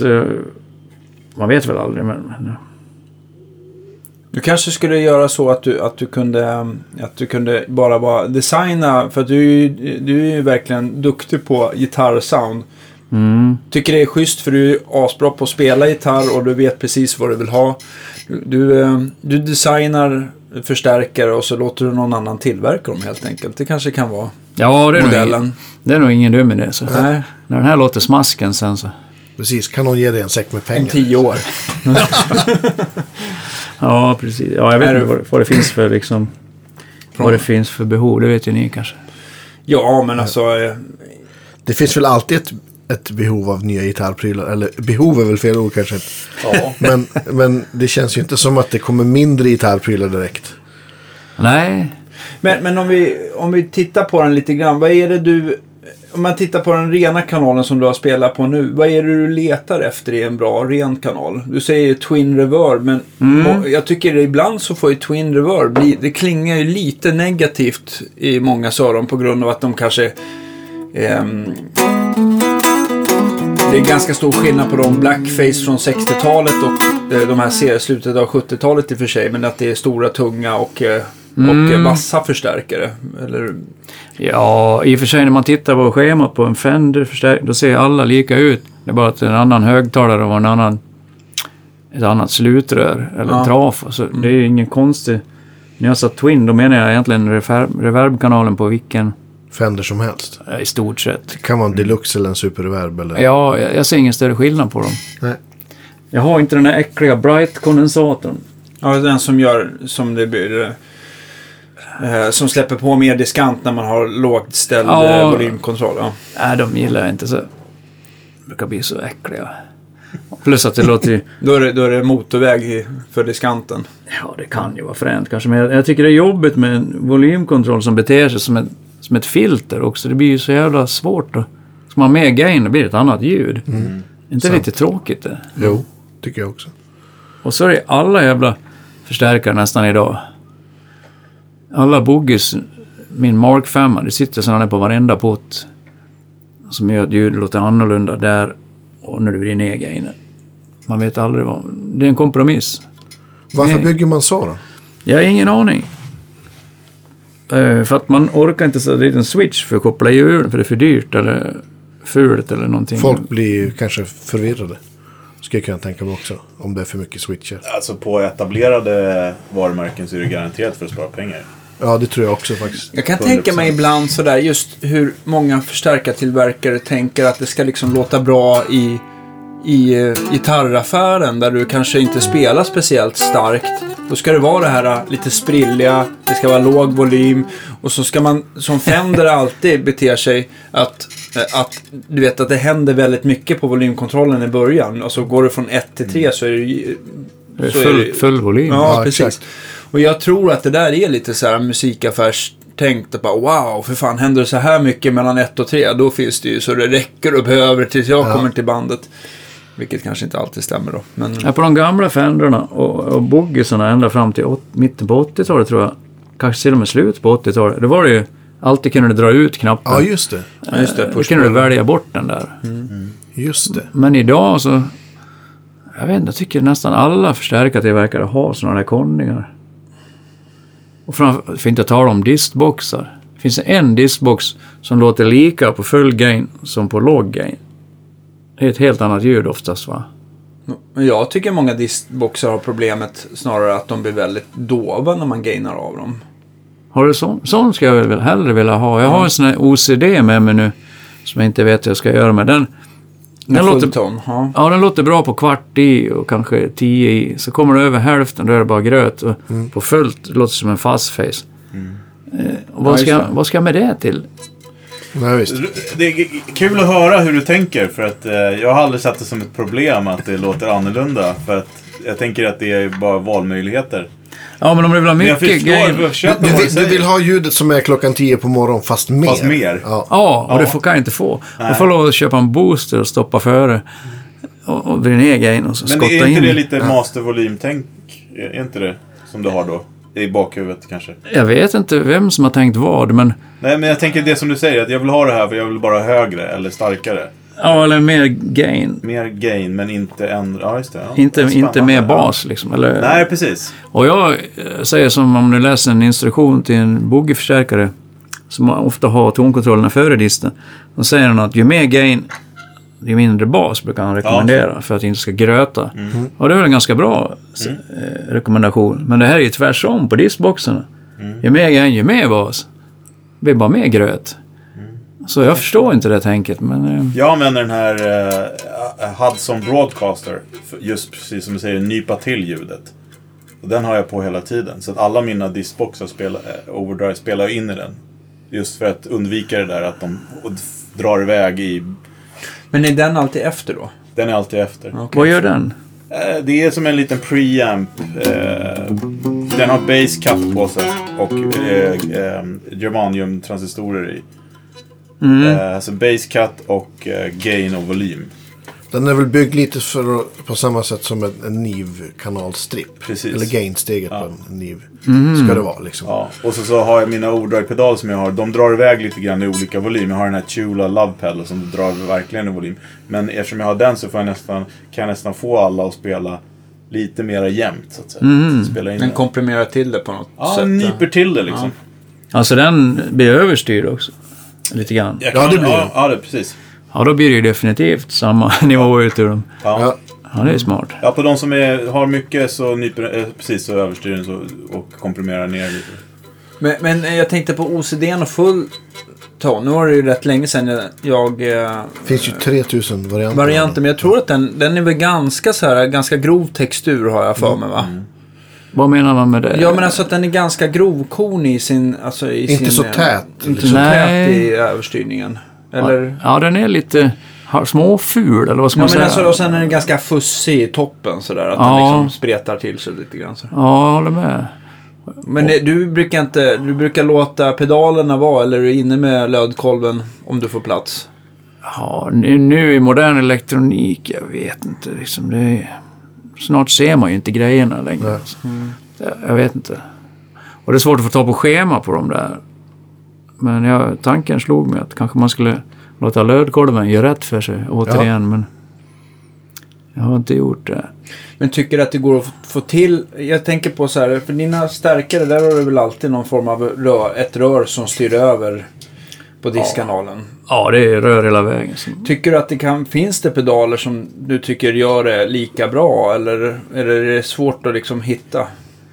Uh, det tror Det kanske det inte gör till 100% men det går att komma kanske till 90 i alla fall.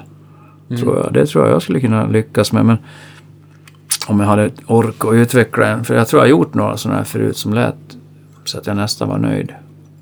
Jag blir aldrig nöjd med de här i alla fall. Så. Rörs, det är alltid är det inte det man... som är grejen att man inte blir nöjd? Ja, man utvecklar det. ja. Jag Det är härligt. Jag, Jag, tänkte på det. den här stärken, vad är du inte riktigt nöjd med i, i dagsläget då? Den här är ju en kompromiss. eh, Om du vill ha riktigt high-gain sololjud som sjunger i en evighet, som Gary Moore kanske, då, då kan jag inte få i den här. Va? Utan den är ju lite mer mittemellan. Och det är väl det som är begränsningen. Annars är den väl rätt så frän faktiskt. Och om, om du nu vill ha det här supersjungande Gary Moore-soundet, är det liksom flera stärkare och eh, att det kommer med volym eller är det... Ja, jag vet inte, jag har ju en sån här JVM Satriani-modell. Den tycker jag kan få det mesta ur. Mm. Och den, den är ju ganska mycket trevligare än den vanliga JVM tycker Ja, Ja. jävlar. Den är jävligt bra. Det är väl kanske rena ljudet som jag inte slår en frivolt när jag hör, men, men det går att Är det den du kör mest på? För du, du, kör, lite, du kör nog coverband också, eller hur? Som du... Ja, ja, ja, ibland kanske. Jag gör inte så mycket gig längre. Nej. Men... Men är det den du tar i sådana fall då, om du ska gigga? Eller är det när? Gitarr? Eller stä- Nej, nej, den här har aldrig gjort ett gig. Nej. Den brukar vara med som slav bara till min Marshall, så jag får stereo. Ja, ja. Men nej, jag vet inte. En 12 kombo, ja, det kan ju bli... Det är fränt liksom. Jag brukar väl ha en 212 åtminstone. Så den köttar lite. Jag tror rena kanalen på den, Satriani. Mm. Det ska vara för att han gillade den rena kanalen i de här Anniversary. Här lila topparna. Ah. Det tyckte Ja. han var, så att det, den rena kanalen ska vara som baserad på den tror jag. I Det är väldigt långt ifrån vi säger sånt här. Ja. Och den är super, super ren verkligen den. Ja, det är ja, som en linad gitarr. Lite, jag att Precis. jag tyckte att den var lite plattare också. Ja. Den låter ju ganska så här... äh, Lite, lite Fender, lite hängmatte på ett... Ja. Som man, som, Ja. som man gärna vill ha ett rent. Absolut. Sen är dynamiken, den, den här låter ju inte liksom trasig eller smällig brukar jag kalla det för när den är svårspelad. Vet du vad jag menar? Ja. Som en expander. Mm. Man slår till så är ljudet borta. Ja. Så är min Marshall, men den här är inte så. Den är...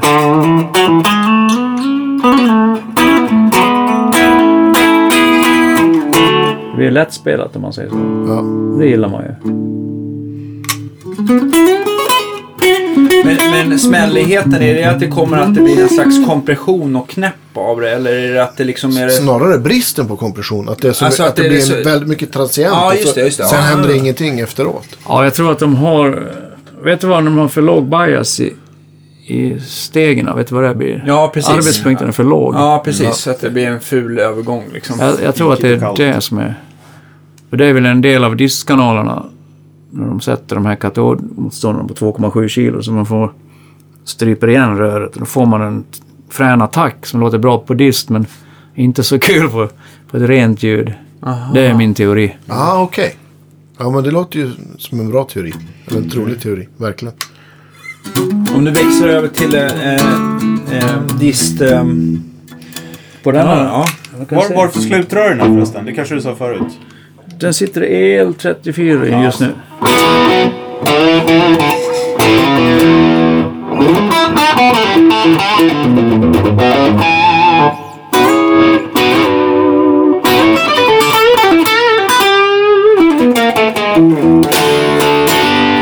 Jag Det gillar låter ju gitarr. Det Ja, låter ju verkligen. skitbra rockgitarr. Bra det! Det låter gitarr! Ja, jag, jag Ja, håller med. Verkligen. Vilken spot on. Men det, ja, du som är ja, men verkligen. så... ja, Spela mer. An, an, anon med äh, gainstruktur och sånt. Eh, min erfarenhet är väl bra. också Ja, men jag vet, med massa olika. Är ju till slut så är det, det är EL34 vinner alltid. När man ska upp på den här, den här typen av gain. Ja, det är det kanske. Ja.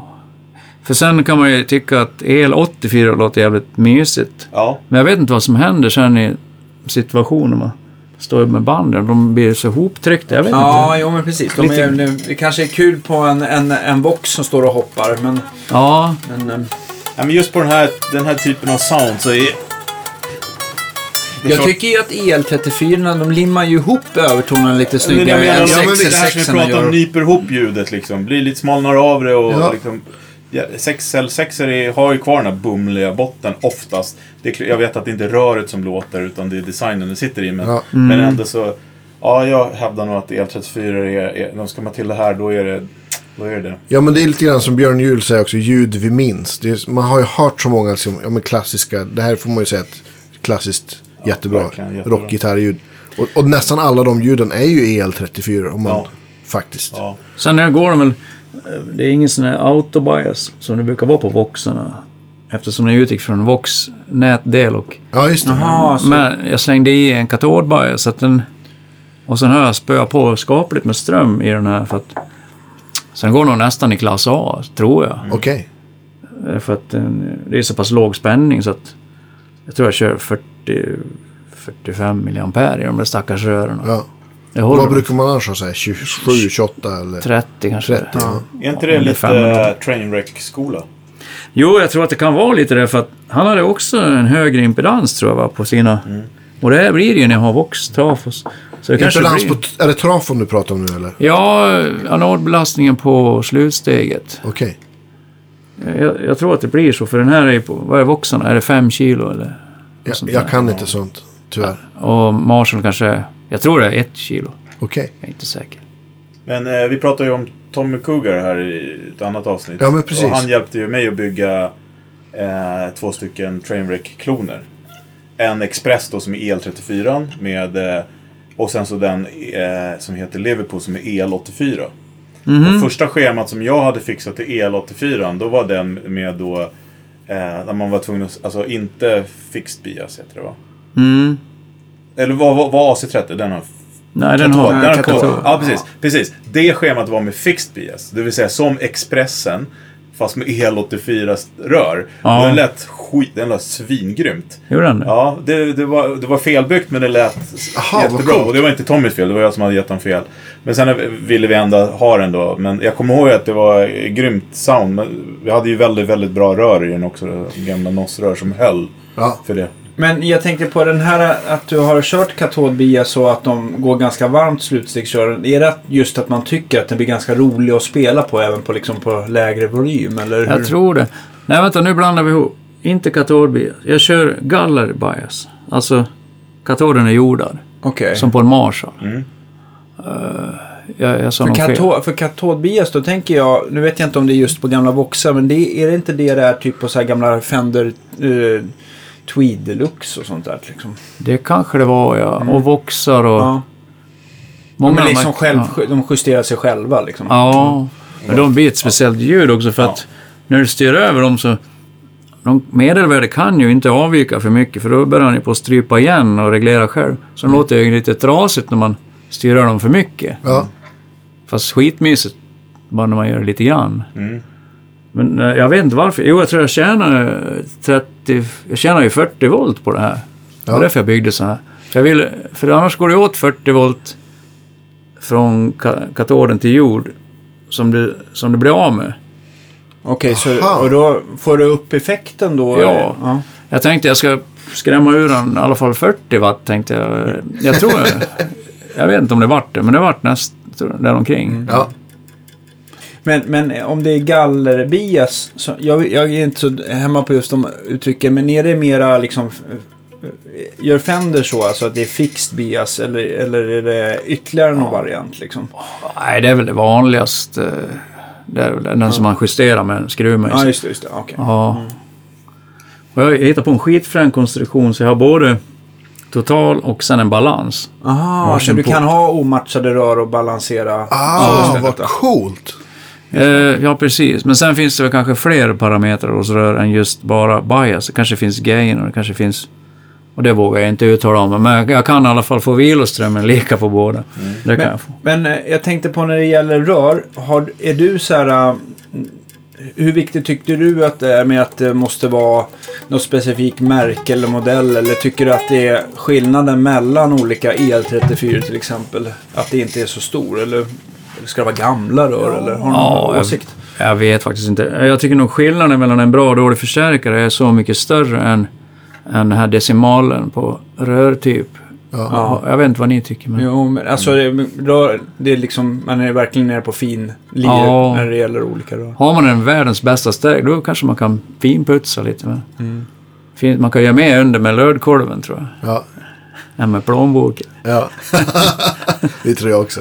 Ja, eh, om man kan löda. Annars är Ja, det nog precis. dyrare. Förutsatt att man kan löda. Ja, exakt. Och vet vad man... ja. Så är det. Sen vet jag inte, liksom, det finns ju så mycket, man kan ha olika komponenter och... Jag kör bara med kolmotstånd nu för tiden, såna här gamla tattar. Och när jag började bygga om stärkare, då var det ju ingen som ville ha sådana. Då skulle man ha metallfilm och då kostade de lite mer och det var lågt brus. Och, och idag är det tvärtom. Nu kostar de här kolmotståndarna 15 spänn eller 20 spänn styck liksom. Vad, vad tycker du att man vin- vinner man något musikaliskt med, med den typen av motstånd? Om, om Ja. de har samma värde sådär. Ja, jag hörde någonting liksom. Jag har hört det så många gånger nu så det kan inte bara vara en slump att det blir någon mysigare ton Okej. på något vis. Det kommer säkert någon att säga emot mig, men... Nej, men jag, Och jag kan inte alltså, bevisa det heller för den Alltså, jag delen. Nej, älskar det här för att det är ju ändå... Ointressant. Mm, Nu ska jag inte... För vissa konstruktörer, de är så här... Det gör ingen skillnad. Alltså de, de verkligen är så här... De är verkligen så här... Eh, men jag tycker om den här lilla... Vad ska man säga? Den här subjektiva känslan hos folk som... som, eh, som Mojo-faktorn. Mojo-faktorn som det kanske ändå blir. Eller att man tycker. Eller så här många gånger man har provat. Jag tycker det finns... eh, Ja, som i det här fallet då. Att det, att, att det gör skillnad. Det, Men sen- jag, jag det blir glad. Det Ja, finns ju en parameter som man inte kan eh, und, vad heter det? komma undan. Mm. Och det är något som heter... Ja, vad fan heter det? Man kan i alla fall lägga på en, en signalström och så bildas övertoner i motståndet på grund av att motståndet ändras, ändrar sitt värde vid olika spänningar. En liten olinjäritet helt enkelt. Aha, okej. Nästan som en diod fast mikroskopiskt. Och då, och då brukar de ange ppm per volt anges den i. Och kollar du på ett kolmotstånd så är den bra mycket högre än... än Metallfilm. På, ja, så att den distar alltså i sig. Om du lägger på en ton så får du övertoner i motståndet. Och det blir mer och mer av den effekten ju större spänningen blir. Och i rörstärkare har du ju fan... Du kan ju ha 100 volt upp och 100 volt ner. Det är inte ovanligt in på ett motstånd. Så det är kanske därför som det kommer med till sin rätt i dem. Ja, visst. Den effekten. Ja, just det. Så det är ju inget bara hokus pokus, det finns ju en förklaring också. Ja. Men har du, har du, moddar du några förstärkare så här alls nu? Ja, ja, det händer. Jag byggde om Luddes, eh, Hans Ludvig på... Det är hans Major va? Ja, Som, som, som är väldigt... Lasse Bjurhäll hade testat den och var helt Han var, knäckt. han var helt Jag tror han till och med ringde till dig. Vad, vad, gjorde, du, vad gjorde du med den? Eh, ja snygga jävla... 200 wattan. Han har ju bara en njure kvar Lasse, som han har ju offrat den andra redan. Ja, exakt. På grejer. Ja. ja, men det, var, det var, låter ju rätt fränt i sig själv den där majoren. Sen stoppade jag i ett rör till, byggde in två steg till och sen... Jag hade bestämt mig för att den ska inte... Jag vill inte liksom förstöra den. Jag tänkte färga den så lite som möjligt, tänkte jag. Använd bara några standard Marshall-kopplingar. Och Ludde, han vill inte ha extremt mycket dist, men mer än en JSM 800 sa han i alla fall. Och så... Jag vet inte fan, så drog jag till med någonting. Jag gör så här tänkte jag. Satt och provade lite. Skickade jag ner en ljudfil till Ludde. Så, vad ska jag ändra på? Ska du ha med mid, med topp, med botten? Vad vill du ha liksom? Och så kom det, ringde han upp mig och sa, "Jag ändrar ingenting, sa han. Jag, jag tror fan, det är nog precis så där det ska vara, sa han. Ja, Jaha, tänkte jag. Jag hade bara slängt ihop det så här för- finjustering, men det blev ingen sån. Så började, ju mer vi spelar på den, ja vad fan, han har ju rätt. Vad fan ska jag ändra på för någonting? Det vart skitbra. men är det, är det en mod som är att, den är att det är specifikt till Marshall Major eller skulle du kunna sätta in den i en, en 1987 50 watt. 50 wattare liksom och det skulle låta liknande eller? Ja, nu ska vi se här. En, två, tre. Ja, det borde väl egentligen gå... Det var fyra steg. Nej, det borde väl gå att sätta i vad som helst. Ja. Men där, på, de, på en major, där går, väl, går inte steget ganska cleant i den? Jo, det var en jättekonstig koppling. Nästan hi-fi. Dels har den en ultralinjär koppling i, i utgångstrafon och sen har den en feed, vanlig feedback som går tillbaks till tonkontrollsteget. Som, jag förstår inte hur det kan fungera ens att om du drar på mer topp så kommer slutsteget att skicka tillbaks mer så den skulle inte... Så reglerar den bort toppen så att säga. Ja. Trodde jag. Det borde ju bli så men det kanske är så lite så att... Så jag vill inte ändra på det. Så allt som hände efter den punkten, det vill jag inte röra. Så här, och då satte jag loopen däremellan. Eh, så att det skulle fu- funka precis som det var tänkt. Mm. Sätter du en master däremellan, då påverkar det ju dem hur de sliter i varandra liksom. Och det vill jag inte göra. Men jag tror att eh, hemligheten till det där, att det vart så bra, det ligger lite grann i, i den också. ja. Tror jag. Och den kopplingen ser man inte i någon annan Marshall. Nej, inte som jag gjorde. Nej, nej men just, Eller det, nej, den. just den här uh, feedback uh, in på tonkontroll. Nej, det har inte jag sett i alla fall i någon annan. Jävla unik koppling. Återkoppla tonkontrollerna. Undrar hur de tänkte då de gjorde. Men, men, men var det här en typ av mod som, som till exempel eh, Blackmore vill ha i sina majors? Eller? Som jag gjorde, det tror jag inte. Nej. Jag tror att de scheman jag har sett på han, då sitter det bara som ett booststeg före. Vilket, jag vet inte, det måste ju bara vara det slutsteget som gick på järnet då. Mm. Och då hade, han i så fall in, ja, då hade han i så fall ingen master. Och det vet jag inte, men jag har aldrig sett någon på något Någon Blackmore Master, har ni? Nej. Nej, jag vet inte. Ja. Så det- jag läste en intervju också att det skulle låta oerhört högt så att han kunde bara ha en stapel. Så han kunde gå undan ibland. så att det, Tänk om du kunde gjort en, en, en, en, en rör-drive-box som man kan koppla till sin Marshall på, e- på input som, som gör samma sak som du fick till Ludde. kanske skulle blivit en stor säljare. Det kanske inte funkar så enkelt, men... det ska in en master också. Ja. För, och sen vart det en liten loop. Så det blir inte riktigt så. Då. Men jag har ju byggt, på 80-talet byggde jag rör, brakdosor. Okej. Som man hade i små boxar så här på, på Som scenen. mini-preamps liksom. Ja. Så kom jag, kommer ihåg en rolig grej. Jag ville, jag ville lura av John Norum en 412 och han ville ha en sån där distbox som jag hade byggt med rör. Och, så, och jag hade ju inte en spänn på den tiden så jag försökte väl dela där. Och han sa bara Ja, hur mycket är en brakdosa värd då? Så han liksom, kommer ihåg den kommentaren. Rakdos.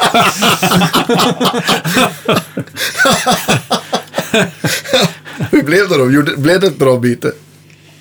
Eh, Det blev inget för att det brummade så jävligt i min brakdosa. Så, att- och, och jag, jag sa jag ska hitta på det där, men jag hittade aldrig på det där inom en, ja, förrän något år senare. Ja. Löste problemet så att säga.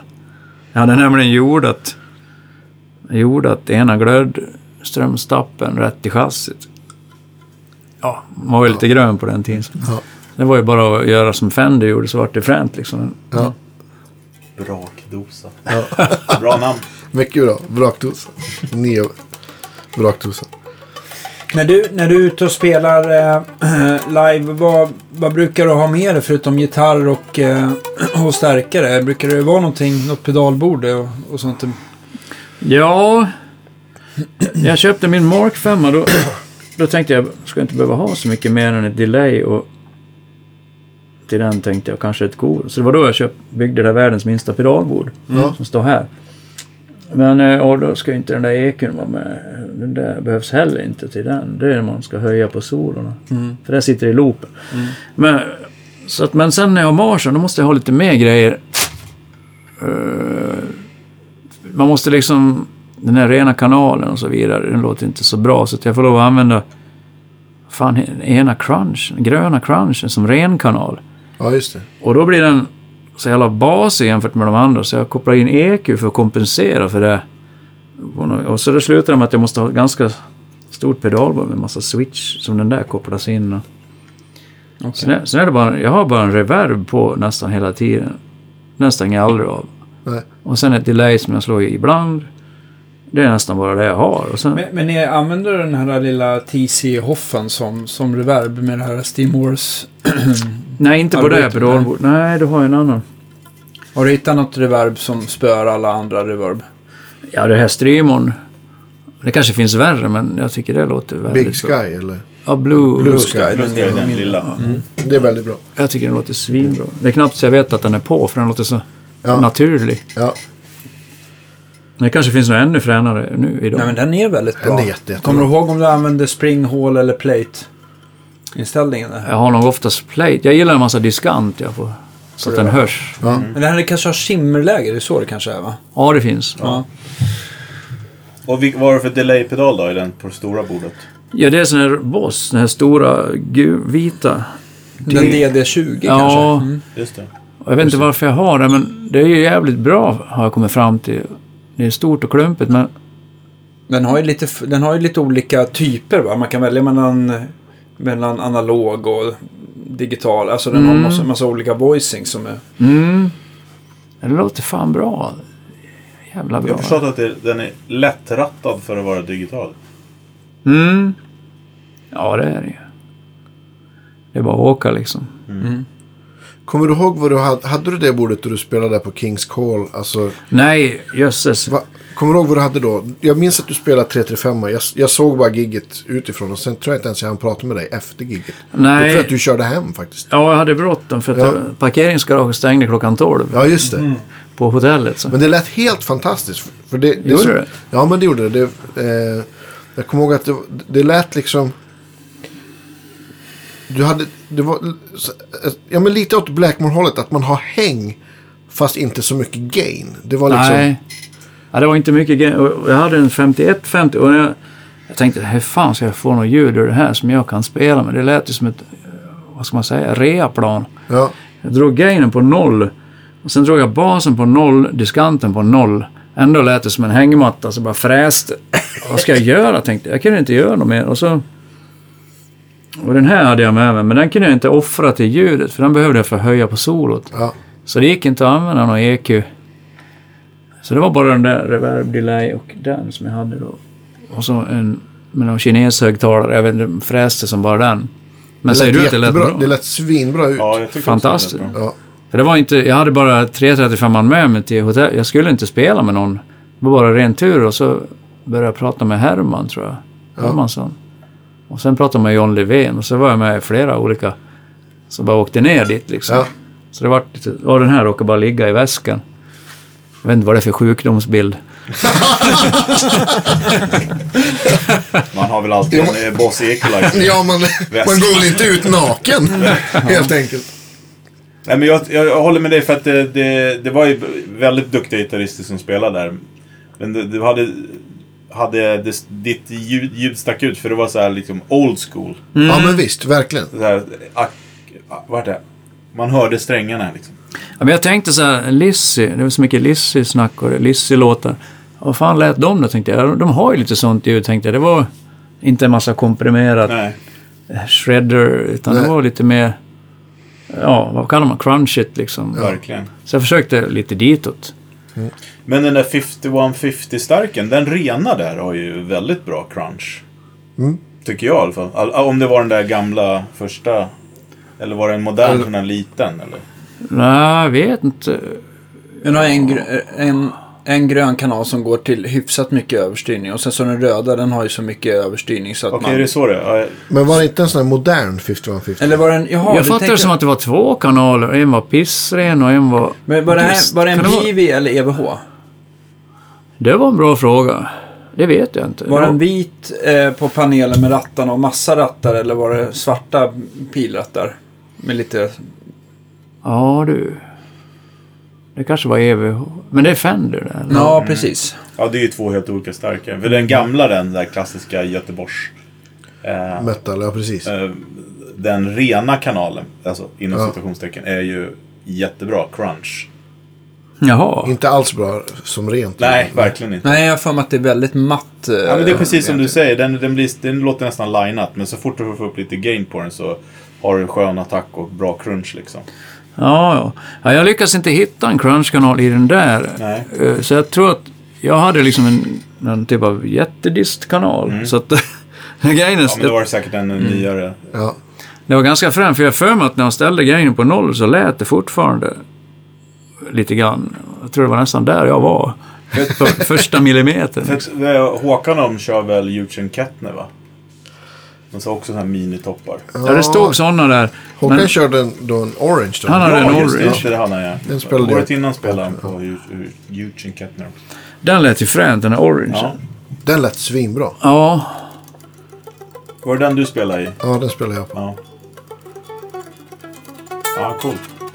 Eh, ni måste ju också prova den här Geezer preampen. Får jag... Får jag...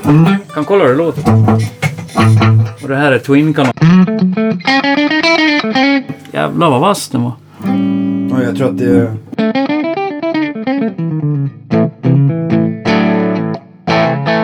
Det funkar ju. Ja, och Så sen så... hittar man en andra sådär. Mastern ja.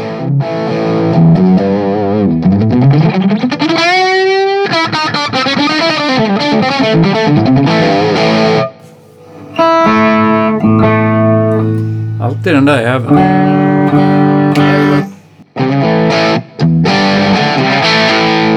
Tycker jag faktiskt är extra på Gibson Mensur att G-strängen är kärvare. Och, Ja. och får stämma. Alltid. Vad gör den här lilla switchen då? Det är en sån där uh, bypass-konding. Så det gör väl ingenting när den står på fullt, men Nej, om du drar ner okej. gainen så... Då, då får du det så. Ja, just det. Just det. Så det är två olika världar. Ja. Den ena den är lite subtil. Den till vänster, jag tror det bara är allra högst upp i ja. toppen.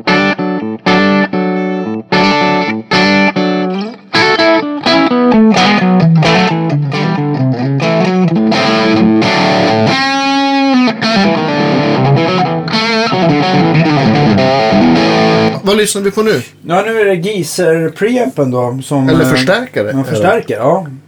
Varför säger jag preamp när det är en förstärkare? Ja, den ser nästan ut som en Ja, det är därför. Det ser en en... rack. Men när, när började du, eh, när började du bygga på den här?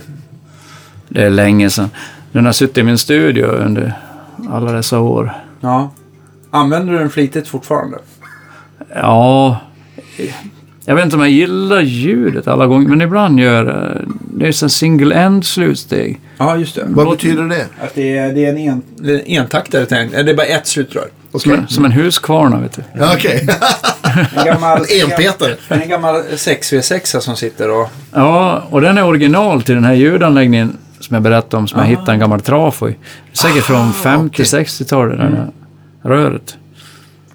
Jag har hållit länge det där. Gå i klass A. Ja. Det var bättre förr. ja, det kan man lugnt säga alltså. Om det drar kvalitet.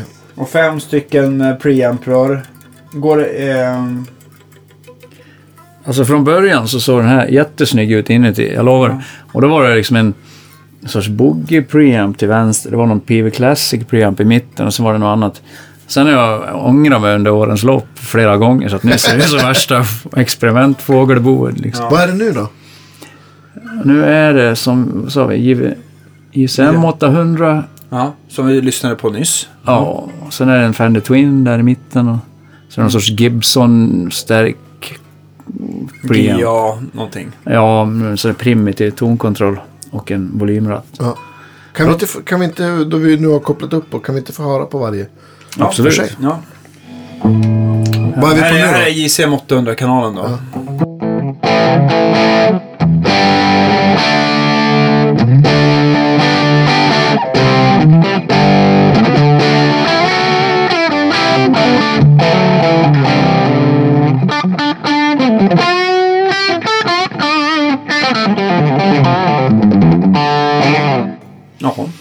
Låter den ja. Nu låter det också ett eh, ljud man minns. va? Ja. Brutalt. Och sen så växlar vi till... Eh, nu är det rena Gibson-kanalen eller? Och du tänker så här primitiv, eh, är den så som det kan vara på gamla Gibson att, att när man drar upp tonkontrollen så försvinner basen? Nej, så var det inte i det här fallet. Nej, sen funkar det inte. Du kan ju boosta topp och så länge du har gainen en bit ner. Okej. Men du kan stjäla topp kan du nog göra i alla lägen. Okej.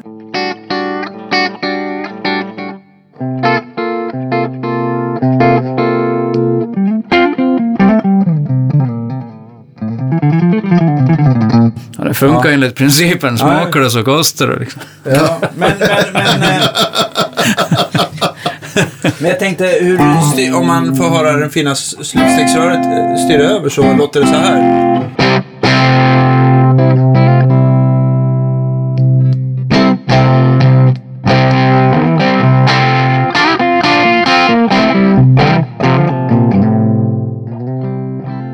Ja, det blir ett speciellt ljud. Det blir lite småtrasigt. ja. Skittufft. Så har vi den där Fender-aktiga. Coolt,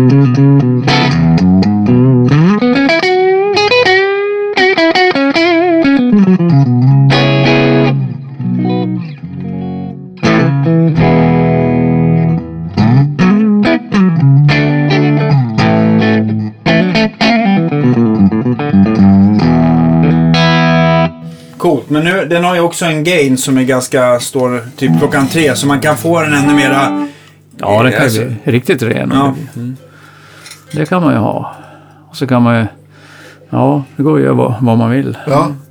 Men, Men den låter ju lite speciellt de här uh, single end-stegen. De blir lite styggare tycker jag. Ja, Hur man än gör nästan. mm, okej. Men du sa du har den här i din, i din studio. Hur har, har du, vad har du för setup där? Har du massa olika toppar som du kan patcha mellan eller? Nej, den där sitter i en rack där. Och sen har jag någon sån här vad heter det, fraktal audio-grej och så har jag någon, någon Mark 5. Det står lite grejer lite överallt. Ja, Så man kan ha lite beslutsångest över. ja, Prova. det är bra. Men jag tänker så här, jag har ju bara kopplat in, jag hoppas att du tänker på samma stärkare, men Mark 5, det, för det är väl en av de senaste, den här som Petrucci använder va? Mesa Boogie. Jag vet faktiskt inte. Ja, det finns en... Ja, det kanske han gör, men han har väl en egen Mark 2C-variant med hans eget namn på också. Precis. Okej, men för, för jag har för mig att det är tre, det är väl tre kanaler i den här Mark 5 och sen så har den en sån klassisk grafisk EQ längst Ja. på sidan. Ja, Och sen så 2000, eller inte 2000, men ganska många switchar i alla fall. ja det är inte som... Ja, det kanske det är. Just det, för EQ Men hit känn- och dit. känn- För jag vill minnas att jag tyckte så här att varje kanal hade en sweet spot. Mm. När jag provade den. Jag har bara provat den snabbt en gång så jag ska inte döma ut den. Men jag vill minnas att jag tyckte att det liksom... Det hände väldigt mycket och det var egentligen bara ett läge som liksom lät så här... Ja, Som var något fränt, eller? ja som var fränt på varje kanal. Eller vad tycker du själv om den? Är den användbar i hela... Ja, vissa dagar får man till det som fan med den där. Ja, den... Jag vet, den är svår, men... De är väldigt speciella, men det går att få till det. Ja. Och ibland har jag tyckt, fan vad tråkig den låter. Jag tänkte, så har jag gått ut och lyssnat. Men lånat ut den till bandet efter. Fy fan vilket bra ljud det är. Liksom när jag står där ute, satan vad är, det, vad är det för fel på mig liksom? Och, och ibland låter den skitbra. Men det är som sagt, ja du vet hur man ska ratta dem där. De är ju, alla kontroller är ju före disten. Mm. Så man får ju ta det lugnt med basarna. Mm. Även om han nu har gjort om puttarna så att nu kan man ju ha basen rakt upp. Förr i tiden skulle den stå på ett eller någonting. Okej. Den Berörda ner sig liksom. Men eh, alltså får man ta på ekun sen. då. Just det, Men, efteråt. men då är problemet att ekun, det finns bara en. Så Just den, det. Så den tar på alla kanalerna så att säga. Kanske inte Ja, var och du kan ju stänga av den på vissa kanaler men, men ibland behöver du ha den på två kanaler men du kanske inte vill ha den lika. Och då har de ju byggt in en sån här, vad ska jag kalla det för, en preset som ett V nästan. Mm. Fast inte ett riktigt V utan de har, de har även hissat näst sista till max 2,2 kiloohmsområde, så, eller kilohertz. Så det är någon sorts som de tror att alla gillar, sånt där konstigt V. Mm. Kan du blanda in det i, var, i valfri mängd. Okej. Men det är ingenting som passar mig, det där vet. Så det läget vill inte jag ha. Nej. 2,2 är en ganska hård frekvens. Ja, så det vet ser inte ut... Det Säg är från din sida. Ja. Ja, så, jag vet inte fan liksom. Svårt. Har du varit inne i lödkolven och modifierat det? Nej, Nej. jag har nämligen lärt mig om det mänskliga psyket, i alla fall mitt eget, att har du en gång haft lödkolven i någonting, då har du satt igång någonting som inte går att stoppa. Då det. så det är alltid första lödningen som, där går gränsen. Du sätter igång Det är som någonting. jag provar mickar i min Strataman. Ja, just det. Mm. Kommer aldrig ta slut. Det här Du kommer aldrig till jobb.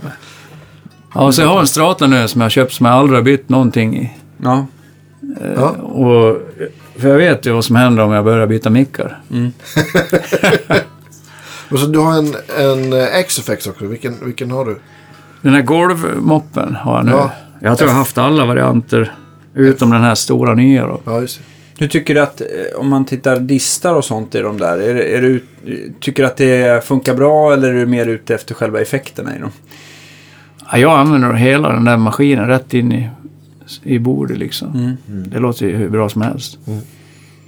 Har du jämfört med andra digitala som, jag tänker på Kemper och eh, Helix. Helix och... Ja, i alla fall Camp och Line C. Ja, förr i tiden. Men de kan ju ha blivit bättre nu. Men förut tyckte jag inte de kom i närheten. Men idag kan jag inte svära. Nej. Det var ett tag sedan. Tycker du att du kan, när du ställer in ljudet på en ax, kan du applicera liksom din kunskap som du har i det interfacet så att säga? Ja, Förstår du vad jag menar? ja fan jag, man kan göra grejer som jag normalt gör med lödkorven. Precis. Kan jag Gör göra det i de här eller? menyerna. Ja, men, jag, men det behöver jag inte. Nej. Uh, försöka undvika det. Ta fram någon standardförstärkare och bara skruva på rattarna liksom. Istället för att gå in och ändra på ja, spänningen och, och du kan ändra på omsättningen på trafon och du kan liksom ändra på bajer, allt möjligt skit Ja, liksom. Men jag kommer på att jag orkar inte. Det låter ganska bra ändå om man säger så. Jävligt frän grej. Ja. Men däremot har jag märkt att om du sätter den i loopen, som du snackade om effekterna. På min JVM då kan jag till exempel slå av och på loopen med footswitchen tror jag. Ja, just det. Ja. Ja, och då kan jag liksom ställa in allting neutralt på den här fraktalgrejen. Så att allting är avstängt. Och sen bara så står och spelar på hög volym och trycker i och ur det här. Då låter det, det känns inte alls lika. Och det låter inte lika. Alltså bara om ljudet går via den eller inte då? Ja. Det låter konstigt. Eller inte konstigt gör det, men du får inte samma svar. Och Det du, blir ju en omvandling. Helt ja, det blir två omvandlingar. Precis. Och, ja, precis. Och så då skrev jag om det där på det här forumet. Det, det, jag kan inte ha min där för jag känner jag får inte tillbaks. Ja men det hörs ingen skillnad säger de. Det är helt omöjligt säger de. Ja, dårarna på forumet där. Ja jag hör någon jävla skillnad så ni får säga vad ni vill liksom. Ja då chimade han in där, vad heter han, Cliff Chase och sa att höll med mig då att det tror jag, det låter inte alls otroligt, så han så drog han någon lång förklaring där. Så, att det blir så. På grund av att de här frekvenserna som kommer ut in i högtalaren i vanliga fall, den kan ju vara upp till 100 kHz eller 200 för den, en massa övertoner. Så bildas det nya ner i spolen och det distar hit och dit. Ja, precis. Undertoner av, på grund av det. Produkter hit och dit. Ja, så att det, du hör ju skillnad i slutändan. Och känner skillnad. Sen har du ju en tids... Du får ju en, ja, du får ju en tidsfördröjning. Jag vet inte hur lång den är. Nej, men, men, med, med, det är ju säkert var ett par, tre millisekunder med en A, en om, två omvandlingar. va? Ja, någonstans just under tre, ska jag tro. Nu känns det löjligt för om jag flyttar mig en halv meter bak i rummet så kanske jag har det också. Ja. Men, Nej, men alltså jag, Men jag- jag, jag kommer inte ihåg, men eh, är det inte så att eh, ljudet rör sig typ... 360 meter i sekund. Ja, precis. Så att det blir millisekunder. Alltså det känns ju, men det är i alla fall... ja, Jag tror att det i alla fall det blir som att gå lite längre ifrån stärkan. Ja, fast det skillnaden blir att det känns i spelet. Ja, precis, Inte ja. bara att man hör det liksom på ett Jag tycker det sätt. brukar bli oftast de här digitala att det, man får en slags att det plattar till transienten lite grann. Ja. Men det, Jag gillar inte det så att jag vill inte ha sådana grejer i min effektloop. Men då skulle jag i så fall ha en parallell-loop. Precis, och det jag skulle säga. Då skulle Ja. du ha någon typ av mixer bara för, liksom, om du kör den bara för effekter då. Och i den andra JVMen, den har du ju en parallell-loop i. Ja, just det. Och den är ju midi-styrd. Den skulle man kunna få lira skitfint ihop med den där. Ja. Men de har ju ingen parallell-loop i den här Marsen. Nej. Men det jag pratar med Göran Ernqvist om mycket. Det blir alltid, om man ska liksom bygga ihop sådana här liksom världar, digitala och analoga, så blir det alltid någon typ av kompromiss. Sådär. Men det fin- jag tänker på, eh, jag tänker, vi pratade det i en annan podd, att man kunde köpa en pedal som hade den här blender-funktionen. Så Ja, det inte Ja, eller en liten box att lägga uppe på stärken. Ja, precis. Ja. Ja. det finns ju lösningar för att... Ja, det kan man ju säkert. Mosquito Blender från One Control Ja, tänker jag. Men det, ja. Precis. Mi- mi- mixer.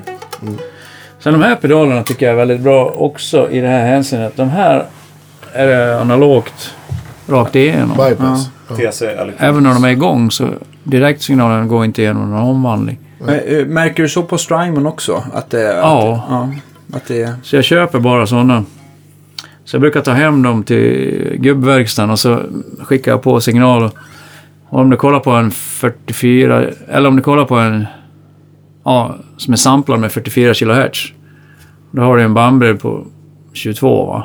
Ja, precis. Eller 20. Ja. Och så tittar du, det finns inte en jävla dB när du kommer till 25 kHz, då är det soprent liksom. Och det ser du, är det en analog pedal då, då kan du se hur den går till 100 kHz, eller kanske 60, 70 och sen se hur den liksom faller av naturligt. Det är inget sånt där filter som på en Som, AD-omvandlare. ja, just det. Så då kan man se direkt hur de har byggt den. För då köper jag den inte. Ja, det vet jag inte. intressant. Jag gillar inte det där uh, Men, smalet. men hur går det själva? Det, om folk vill testa det hemma, hur skulle du, förstår du hur du skulle göra det? Andreas? Ja, du får köra någon typ av liksom, Vitt, testsignal. alltså typ så här någon vitt, vitt brus eller någonting som sträcker sig. Och så, Ja. så, så kollar man i någon, någon, någon test hur, jag vet inte. Någon Ja, det går inte att eh, höra skiten. Det är det som Nej, är nej, men jag menar att man får, man får titta på någon Mätare ja. mätare. Vi säger om du kör på 40, inte fan vet jag, 40-50 kHz då. Mm.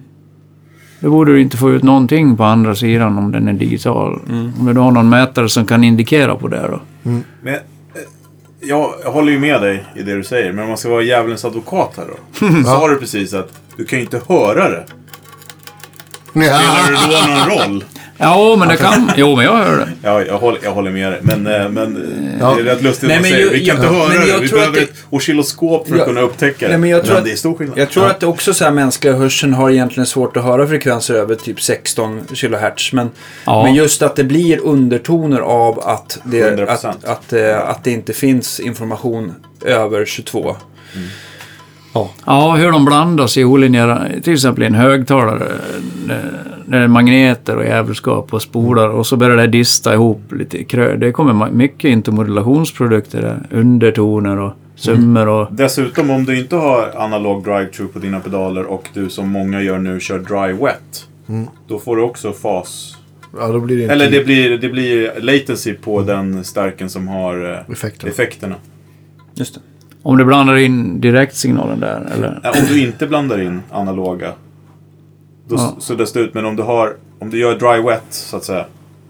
Och har eh, en ren digital. Då blir latency på den andra stärken. Alltså om du har ren signal också Ja. i båda. Ja. Ja, ja, ja, ja, det där går ju inte ibland. Nej. Då spricker det ja. Men då du spelar in, hu- hur, eh, hur mycket? Så har du någon sån mickad låda som alltid står där och så kör du lite på dagsfeeling eller? Tänker, Ja, till exempel då du, ja. spelar, då du gör dina soloplattor och... Ja, det är... Precis, nu har jag ingen seriös inspelning på gång just nu. Men, men det står grejer uppmickade ja, och sen ligger axeln där. Men då tänker jag när jag har den, när fraktal, då tar jag det för vad det är liksom. Och då är det väl så att man, man förmodligen hör en skillnad mot om det hade varit riktiga grejer. Men det skiter man i. Jag vet inte hur jag försöker... hur- jag Ja, försöker nej, men, men det är ju liksom någonstans är det, ändå man, det, är, det är ju musiken som räknas på något Ja. Det som kommer ut. Så vi säger en del, de köper ju så en fraktal och sen köper de rörslutsteg till den. Jag tänkte, nej nu får det vara nog, nu får ni lugna er. Så jag, antingen kör vi rörgrejer eller också, jag kan inte bygga en grej som ska simulera rörstärk och sen ska jag köpa ett rör. Jag vill ju få en lätt och behändig rigg. Antingen Ja, just det. kör bara den här, eller också någon dryg jävla rigg som man får ryggskott av. Jag ska inte ha både och liksom. Förstår du vad jag menar? Men har du, kör, kör du den rakt in i P1 då? Nu? Ja, det är inte det som är själva drömmen. Ja, tycker Ja, med, med sådana prylar. Det tycker jag är fränt. Om man tar det för vad det är så att säga. precis. Ja, men det, det pratade vi om med, med, med Stefan också. Det här med att, att, att inte tänka att de ska liksom byta ut varandra. Utan att man använder dem för det de är bra på. Och det de är byggda för. Liksom. Sen om det är nu så att man hör någon skillnad, att den inte är lika bra då, ja. Men det är ganska otroligt ändå att det går att göra så här. Och en del skulle inte ens höra skillnaden heller för den delen. Nej. Verkligen inte. Det är väl framförallt för dig som spelar in. Om du blir inspirerad av att spela i den så är, det, är den bättre. Än om du spelar i Ja. någonting som du inte blir inspirerad av. Ja, den faktorn är den viktigaste av allt. Ja, exakt. Vi- jag kan gissa att du är en sån som är väldigt känslig för hur det känns. Ja. Känns Eftersom det... du håller på och pillar så länge med saker och ting. Ja, ja visst. Ja. Ibland vet man inte om det är bra eller dåligt att kunna allt det här för att... Det kan vara mitt i någon låt så nej vad fan, sen så stoppar man inspelningen så springer man ut och värmer upp lödkolven och byter en konding till samma värde med en annan sort liksom. Oh, I love it. Fantastiskt. tänker man nu, visst fan är det fränare nu tänker man så. Så spelar man in en före och efter. Så dagen efter kommer man ner. Fan, hörs ju ingen skillnad. Placebo är också bra. Ja, absolut. Har du någon, förlåt, har du någon, någon gay horror-stärkare uppställd också i, i racket hemma? Nej, jag har nog ingen. Jag har byggt den faktiskt. Jag har lite bilder på grejer om ni vill ha sen. Ja, det vill vi jättegärna. Du har byggt en Gayhor i full, alltså med slu, slus, eftersom det var en blandning mellan en Marshall och en, en Gayhor preamp. Ja, Så har jag byggt även Marshall, eller vad ska vi säga, ett stort as liksom. ja. Så en hel Gayhor förstärkare alltså. Ja, också, som heter Fenrisulven. okej. ja, har du, den, den vill vi ju se bild på. Det vill alla som lyssnar på det här också. och det har varit en och annan som har lagt bud på den där faktiskt. Ja, det Får man med en brakbox då? Klart.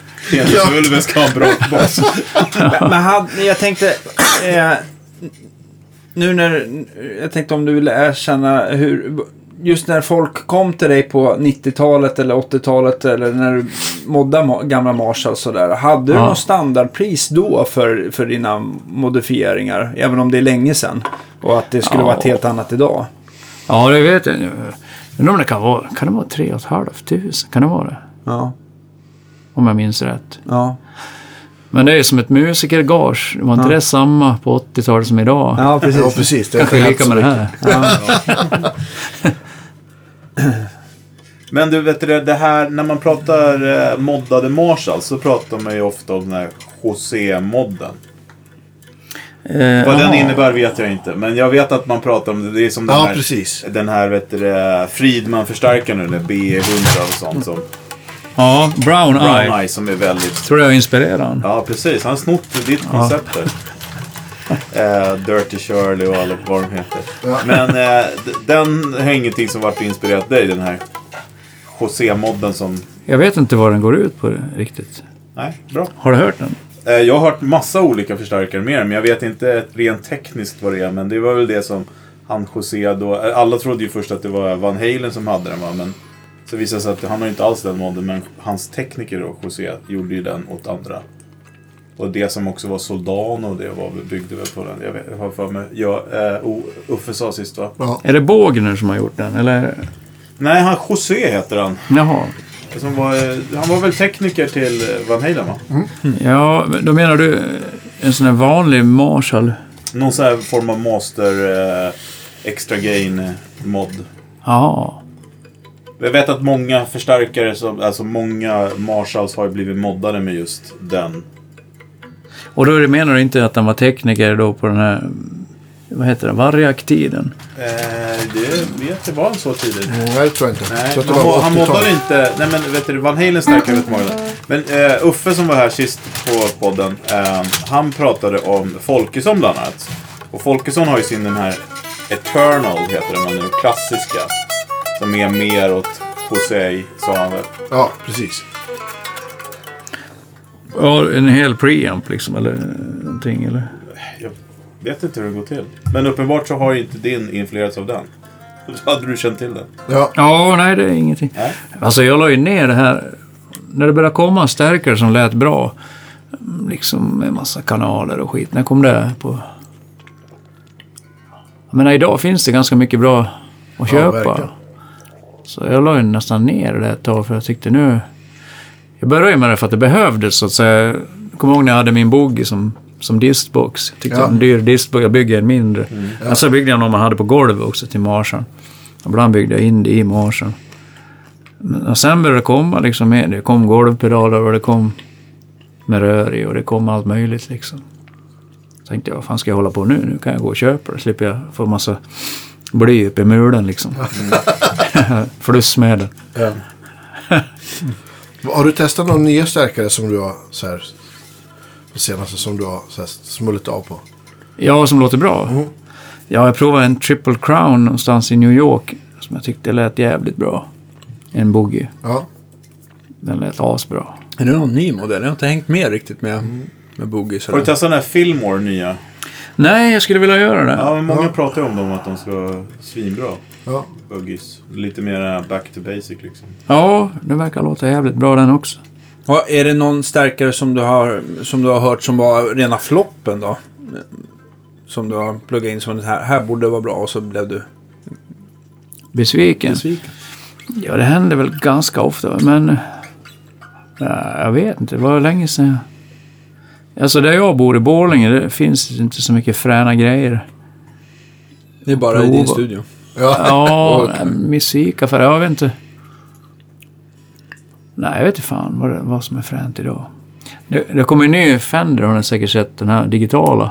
Deluxe. ja, just det. Den verkar ju låta fränt. Ja, jag har inte testat den. Väger 9, komma någonting Ja, kilo. det är, det är som att lyfta luft. Ja, Okej, ja, du har, du har Är det någon som har ja, provat den den? finns hos Sebbe. Okej, Sebbe ja. De låter, de låter förvånansvärt bra. Ja. Men det är någon typ av klass D eller något. Alltså, det, det är väl så här, jag, jag läste jag. någon intervju såg de så här att Precis, det är modellering fast en modellering gör bara en sak. Alltså att all kraft är fokuserad på att simulera förstärkar Det är inte massa eh, kraft som går till massa Effekter. effekter, och grejer. Ja, och just utan den gör en grej. Reverb fanns va? Ja, ja precis. Var det den som Kirk Fletcher? Fast jag vet inte om det är... Det, jo, det kanske är digitalt. Ja, Det det, det vara. ja, det tror jag. Det vore lite roligt Ja, med digitalt precis. Han gjorde väl lite reklam för det. Ja. Det enda röret som finns i det för att driva reverbet. Ja, det var ju skit. Fan vad fränt. Får se om någon reagerar hur dum man är. liksom. ja, exakt. Ett rör som lyser, inte med kedjan. Ja, ja. Det är det som driver reverbet. eller? Ja, det var som min kompis Bojen, han hade en podd förut på 90-talet kanske det var. Ja. Och sen slutade det med att han skulle ha med lite mer grejer för hö- Så han hade med en Marshall-topp och en 412 också. Och en podd. Så sa nu är det mer grejer än vad jag har. Du skulle ju ha lite grejer. Så det skulle vara smidigt. Ja, Så det är, det är det jag menar. Om man ska köra digitalt, då kör jag i så fall hela vägen. Då ska jag inte bära massa 412. nej. Så resonerar i alla fall jag då. Det var faktiskt första gången jag hörde eh, sån eh, ja, digital simulering som lät så jävla bra. Det var när han spelade. Han hade en Axifex Ultra tror jag. Mm. Det var någon, någon coverbandspelning hemma hos en kompis på, ett, på gräsmattan. Mm. Och han körde med den där med sin strata. Fy fan, det lät så jävla bra alltså. Ja, redan då. Ja, Ja, den var toppen. Jag hade, hade den också. ja. Han spelar ju ganska bra också. Ja, så Det, kom, det har ju lite grann med det att göra Ja, också. det har ju det. ja, så kom den här tvåan och sen den här som är nu då, jag vet inte. Jag hör ingen skillnad på den här golvmoppen som jag har och den här stora trean. Nej. I och för sig inte lyssna Men som tyckte du att, att den golvpedalen och tvåan, tycker att det var skillnad på dem?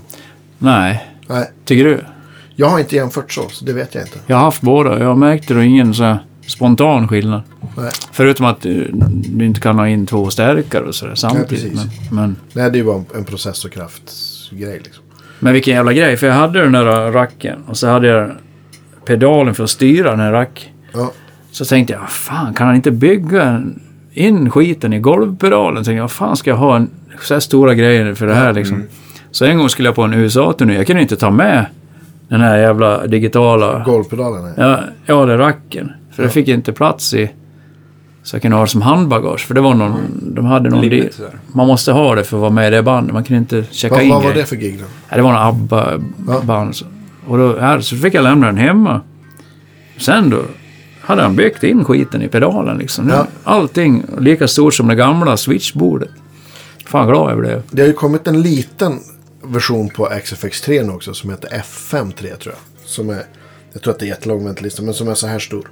Mm. Har, har samma ljud och, och allting, men, men såklart mindre... För lite pedaler. Vad- Vad sa du? Det är för lite knappar tycker jag. Ja, men det är det ju, precis. Men, men storleksmässigt är den ju... Ja, säkert jävligt för det. Och en sån här Morningstar bredvid. Ja, men precis. Någon liten midi-pedal till så. Ja. Ja, de är säkert skitbra.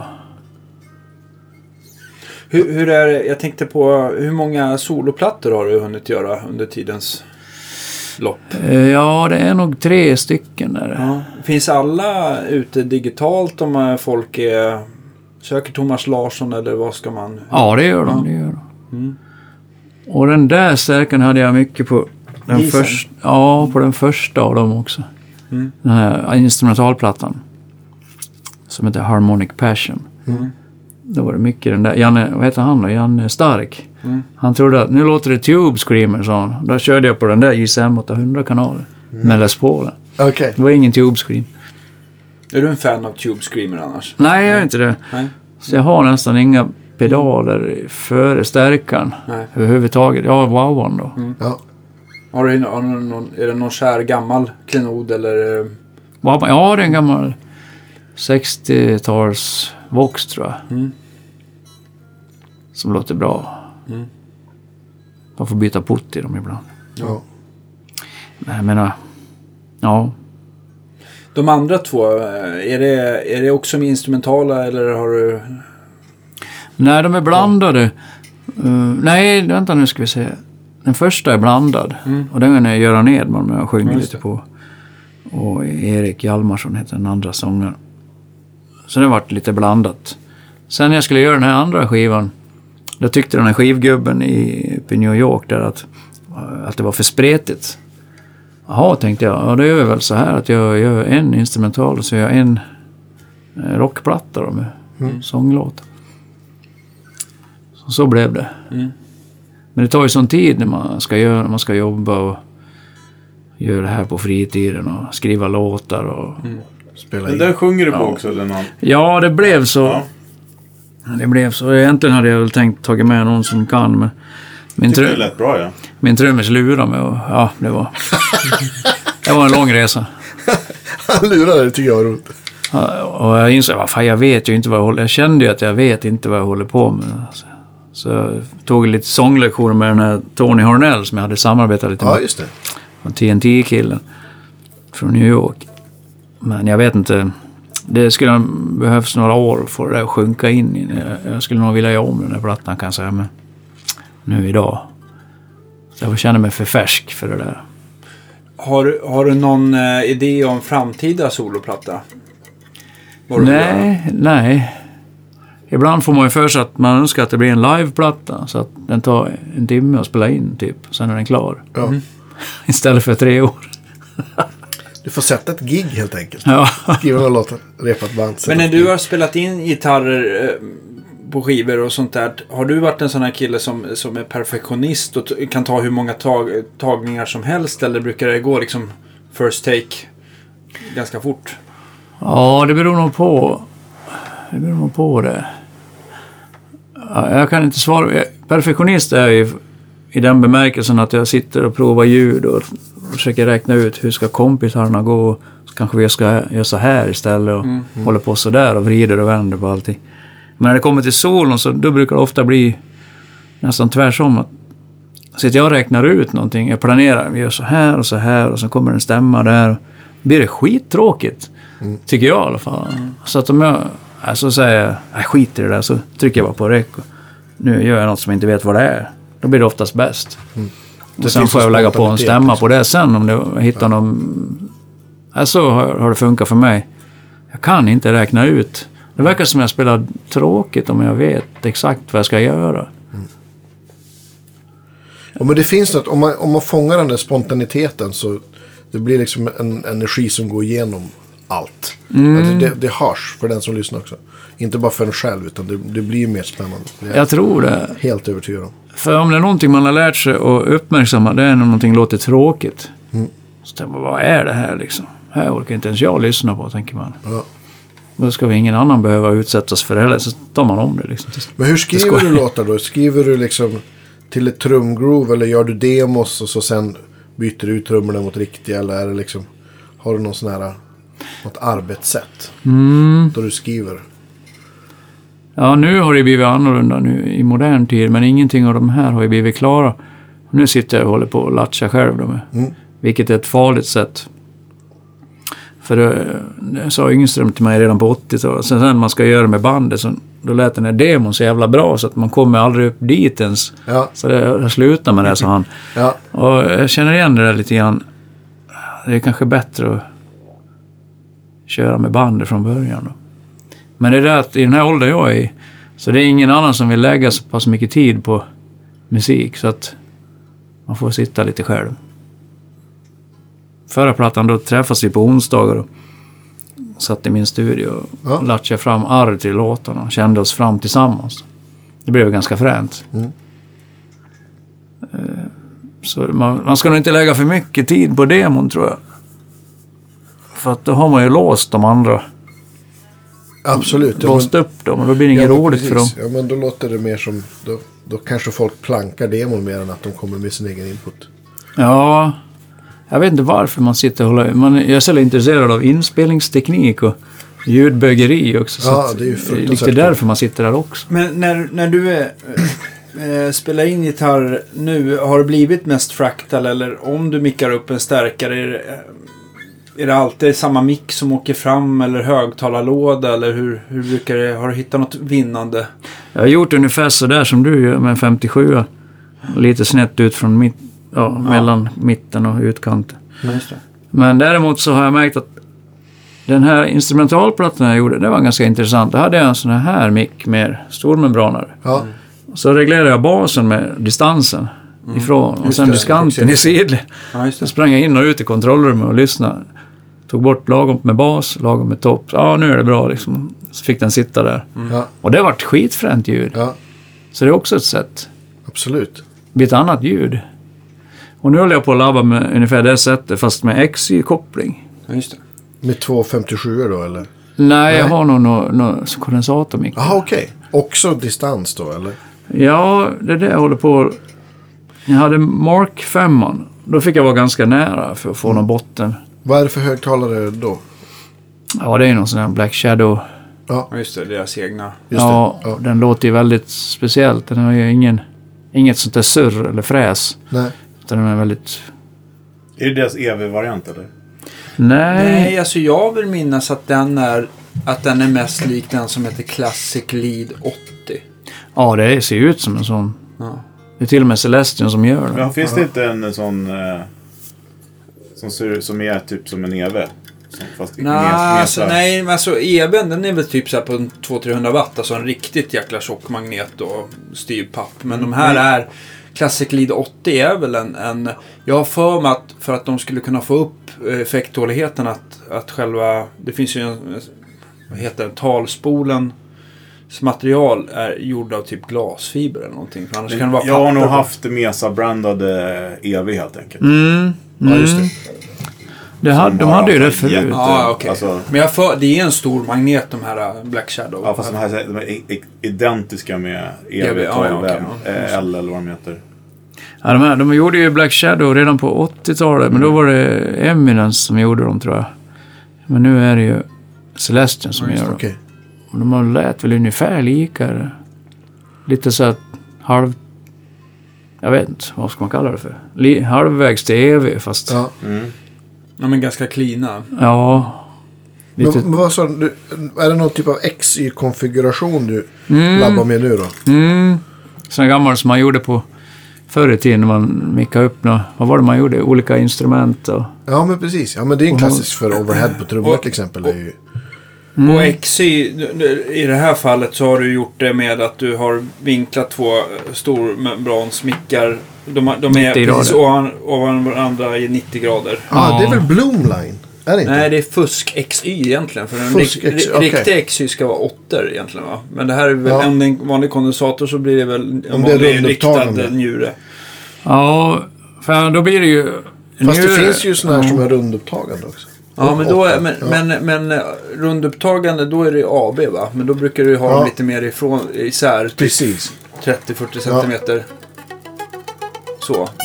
Medan när det är riktade mickar så brukar du inte micka så utan mer sätta dem Ja, ovanför exakt, varandra i exakt. 90 grader. Ja. Och vi provade ju det där när vi spelade in trummorna nu med Marco. Ja, just det. Så ändrade vi, vi bara så att det inte blev så stor stereobild så Precis. drog vi... Och det men var du ju- kunde ju ändra det själv också. I, Ja, men precis. Ja. Men det är, ju- det är ju åttor. Nu spårar vi det här Ja. som vi brukar. Mm. Ja, just det. Ah, va, just det men åttor, du, du pratar att det var... För det var ju bandmikrofoner va? Ja. ja bandmikrofoner är ju nästan, de tar ju upp lika mycket Ja, bakom precis. sig som framför så det blir åttor då. De är riktade bakåt och framåt. Men, men hur, hur sätter du dem nära då? Eller hur sätter du dem? Ja, den här gången gjorde jag det för att den här 112 den lät ju så... Det var inte så mycket botten i den och inte så mycket fräs heller. Så det slutade med att jag var ganska nära med min XY. Men sen när man mickar till exempel min 212 då, som är sluten, då har jag en känsla av att jag kan backa lite. Just det. att få bort lite bas kanske. Sen i sidled kanske få bort lite fräs. Coolt. Jag gillar, det är roligt med nya Ja, det är Ja. sätt att uh, micka upp helt enkelt. på den gamla 6v6. Ja, just det, precis. Just det. Nej, jävligt bra. Ja, nej, det är roligt. Jag, jag vet inte. Och sen ibland pluggar man in den jävla fraktalen och låter det bättre än allt jag hållit på med och krånglat med i flera timmar. Liksom. Så blir man också lite sur. Så här, men man måste Eller lättad. ja. Jag inbillar mig att det, jag kan inte bevisa det här, men vi säger om du har högtalarelement och så om du är XY, då får du ju lite grann från sidan på dem antar jag också. Och från rummet. Här. Jag inbillar mig att en högtalare eh, har någon slumpartat beteende också. Som du kanske inte kan reproducera med en impulsrespons. Ja, just det. Jag tänker om det fladdrar lite olika i pappen var tredje gång, eller på grund av någonting. Så att det blir lite mer levande, tänkte jag, än, att ha en Ja. impulsrespons. Den är ju statisk ändå. Ja. ja, men det är ju också så här om man, om man mickar olika olika högtalare på en 412 så låter det ju i regel olika också. Ja, det- sen är det väl rätt... Ja, dels det, men sen så måste det ju vara... Det, skil, det händer ju så otroligt mycket bara på att flytta ett par millimeter ibland. Ja, så att det är liksom svårt att hitta exakt samma position också. Jag köpte en skitbra mickhållare förresten. Som Axmount. Som, då kan du sätta en, en Royer, ja, men 122 har jag, och en 57 i samma, i en enda klyka. Och så sätter du dem bara fram till första strecket på 57 Då är de i fas. Klockrent. Ett mixativ, två mickar. Ja, ja. Ja, just det, det ska jag säga. Det var därför jag tänkte också på att den här XY kan vara bra till distad gitarr. Det är ändå i ungefär samma punkt är det tänkt i alla fall. Precis. Mm, just det, just det. I och med att det är så jävla mycket övertoner och skit som... Så fort det blir det minsta fasdifferens så låter det ganska illa på en gitarr. Precis. Det blir nästan så här uh, ihåligt eller nasalt på något sätt. Ja, Det har ju Förkylt. någon- vad heter de? eh, Studio Fredman de i Göteborg som gör mycket sån här metal. De har gjort en sån hållare fast för två 57 som är liksom har de det? Ja, som, som är liksom en hållare för att ska vara en som är rakt, rakt in då och en som är från sidan. Så det är väl förmodligen, jag tror att den ser ut typ sådär då. Mhm. Den, den ska jag köpa. Har De jag gjorde- drömt eller jag har sett motoriserade sådana här grejer också. Som man sitter i kontrollrummet Ja, och men det finns. den och- Absolut. Ja, det finns. Det ja. finns. Jag skulle faktiskt vilja göra en sån podd i alla fall. Där vi, där, där vi provar typ tio olika sätt Mickar. mickar. mickar upp en högtalare på. Vore Absolut. jävligt Det gör vi. Bara för att. Ja. Yes.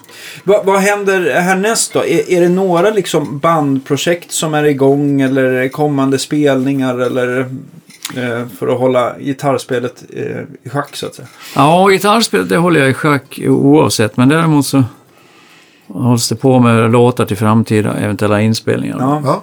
Och sen gig hade jag ett par stycken som blev avbokade. Så.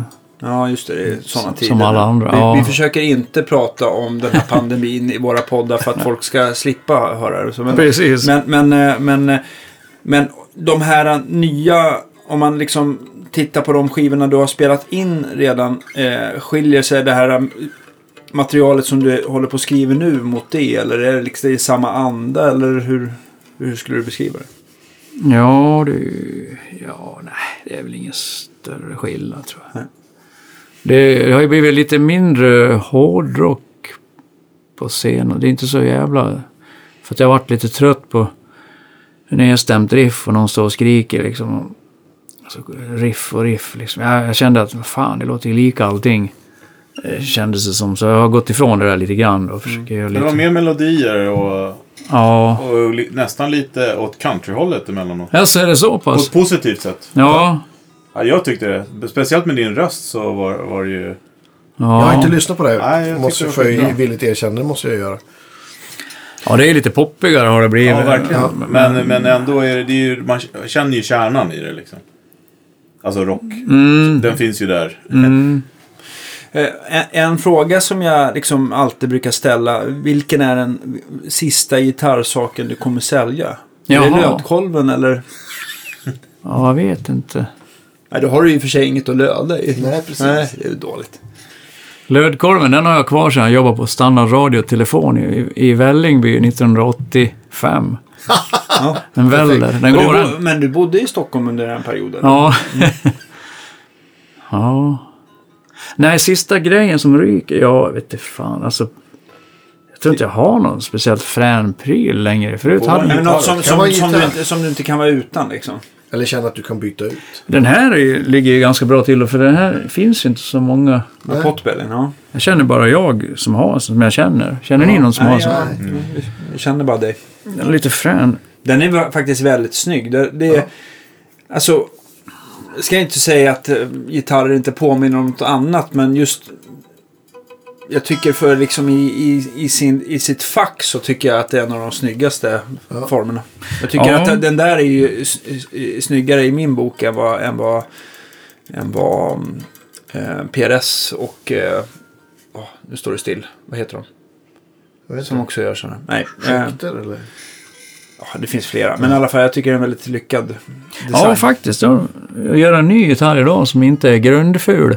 Det är inte det lättaste. Nej, Om man inte får påminna om någonting. precis. Men jag vet inte om eh, den där potbellen var eh, discontinued, att de inte gör den. De gör ju säkert den om någon ringer till Kastnershoppen och med en säck pengar. Mm. Ungefär som när någon vill få dig att bygga en stärkare. Är, är Ja. säcken tillräckligt stor så... Jag skulle ju aldrig... Jag menar, jag skulle inte haft råd att köpa den. Den kostar ju 40 smask den här liksom. Eh, Så det är en förklaring. Men jag tror att det kan tänkas att de har ju börjat gjort en... Vad heter det? LTD. Just det. Jag vet inte Okej. vad det betyder, men... LTD, Det är nu, är, det- nu är det väl så här eh, konstigt med ESP. Folk får gärna skriva in på vår Facebook och, eh, och, och rätta oss. Va? Men jag har för mig att E- ESP har, de har ju kört lite grassroots och massa saker. Men LTD det är väl Korea-linen eller möjligtvis Indonesien-linen idag. Och sen så är väl E2 det som var liksom vanliga standard Japan ESP. Ingen aning. Och sen så ESP, ESP är liksom custom shoppen. Ah, okej, och jag även. USA, för nu finns det ju även en USA-line av ESP. Ah, okej. Som Ja. står för Electric Sound Products. Ja, och det har det nog hetat från början. Fanns inte det i USA redan på 80-talet? Ja. Ja. Men ja, sen blev det ju, alltså ESP idag är ju mera, man, det är ju mera Japan-relaterat har jag för mig va? Sen Ja. så har, nu har de väl dragit igång i USA-fabriken igen. Eller någon Ja. form av USA-fabrik, precis som... Jag kollade Check. på din eh, webbsida här medan vi pratade också. Mm. Eh, och artikeln, eh, det, stod på internet att det var från 2005. Men tryckt på de här bilderna du har lagt upp så står det 2007. Jaha. Ja, jag vågar inte svära. Så att eh, det, där var det bilder på, på dig med den här gitarren i alla fall. Mm. I 2007 stod det Ja. På själva liksom, Okej, tidningen. just det. Ah, den. Då Jag har kan... en fråga. Du, du sa, ja men så här, hålla gitarrspelet i schack. Har du någon sån här, har du något som du, någon sån här övningsrutin eller något som du för närvarande jobbar på eller sådär? Ja, jag kör mycket sån här som jag snappar upp från Steve Moore. Sån här man kan hålla tekniken i schack i alla Ja. fall. Har du något exempel? Är det sådana kromatiska... Ja, det finns allt möjligt. Det, den här som, låter inget bra, men den är bra för... Nej. Ja, med de två. Ja, så kör du liksom lillfingret och ringfingret och kör Ja. kromatiskt och växlar Rakt, parvis. rakt ner. Så kör man över hela halsen. Eller, Det är svårt. Då är man ju glad att man har 21 band va? Ja, ja, ja men, precis. som, som motorik och det blir som en muskelövning för, Ja, för de två. Sen, för lill och ring. Det är bara att köra på det finns, ja, sen det där du sa. Kromatiskt. Alltså här ska man göra till metronom om Ja, det ska precis. ge något. Och inte Ja. så fort heller för den delen, tycker jag. För mig så... Jag kommer fram till mer och mer att just att man, man tränar in hur det ska kännas när man träffar strängen rätt. Och det behöver nödvändigtvis inte gå fort, utan till slut så vet man hur det ska kännas. Mm. För mig är det så i alla fall. Mm. Mm, sen kan man ju fläka isär de här. Ja, just det. Spela med de tre fingrarna, skal och... Man, ja, man slår, man Alltså finger, pek- finger, pekfingret. lång ring och, och... Eller vad gjorde du? Ja, jag skippade pekfingrar. Ja, Spela just det. med de precis. andra. Aha, okej. ja, just det. Ja, det är ju bra. Och jag har märkt att sitter man sådär en tio minuter, en kvart så då går allting jävligt lätt sen. Ja, Och sen är det högerhanden, det är väl ett jävla projekt. Det är väl den svåra biten också. absolut. Men sen vänsterhanden, jag tycker det är fränt. att Man hade haft lite disp och så håller man för de här och så spelar man... Försöker få ett klipp. Ja, just i anslaget. Så kan man dra arpeggion.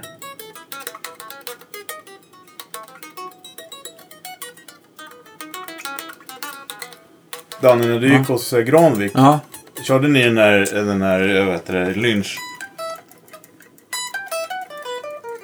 Körde ni ja eh, eh, Krampa direkt här. Det låter som Ice Cream Man med Van Halen. tycker jag. Ja, ja, jag menar alltså man fick eh, massa... Dina Men jag, är jag, inget det jag konstigt. kommer ihåg... Det, Exakt. det jag kommer ihåg Janne sa i alla fall till mig, det var ju tråkigare övningen är, desto bättre är den. Norrbottniskt svårmod. född, född med mungiporna Och ner. jag, jag kommer ihåg första gången jag hade varit hemma hos honom sa han så här, du måste träna de här skalorna minst en timme om dagen. Jag bara okej, visst, visst. Ja. Så gick jag hem så satt jag på den här jävla metronomen.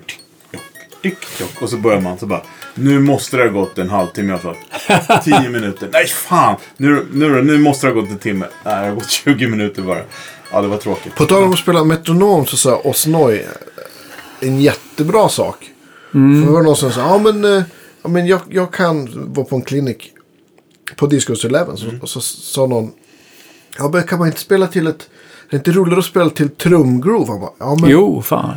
det är jättemycket roligare men, men då låter det ju bra direkt. Då behöver du inte anstränga dig för att spela i time. För att du liksom, då, vad du än gör så kommer det låta bra för att det är ett svängigt trumkomp. Men Ja. har du bara en metronom som spelar klick, klick, som spelar fjärdedelar, då, då måste du liksom, då måste du vara den som gör svänget. Det måste vara du som är i time. Ja, det finns nog fördelar med båda. Men jag tror, Absolut. Jag tror också det är kul med trumgroove. Då blir det ju ändå som att du sitter och lirar och gör men musik. precis. Så är det Ja, en men- annan del. Ja men Men du exakt. kan ju få lite Det, mer det glädje. brukar jag göra. Alltså, Ja. Om man vill skriva saker, då brukar jag hitta ett, ett, ett, ett groove som jag tycker är inspirerande. Och så spelar jag till det. Så blir det, så att, så blir det kanske med ett kompositionsverktyg. För jag måste nog, jag håller nog inte med Granvik hela vägen där, utan jag tycker nog att det gör inget om övningen är rolig också. nej, det håller jag också med. Alltså, men det är inte lika bra. Nej, det är inte det. ja. Ja. ja, men sen vad det gäller högerhand, det, nu jag håller på ibland. Jag tror, jag tror ja. att faktiskt att Granvik eh, sa det där bara för att han ville ha mindre konkurrens där ute. Ja, Folk skulle ledsna på Ja, just hela. det. Lägga ner. Ja, nu håller jag på att träna lite grann på frihandsteknik också till metronom. Då kan man försöka inte hålla i någonstans. Och, Ah, Ja, precis. okej, att du inte lite- stödjer handen på något. Precis, du... sen kan man ju lägga in accenter, tycker jag ger väldigt mycket mer. än Liksom,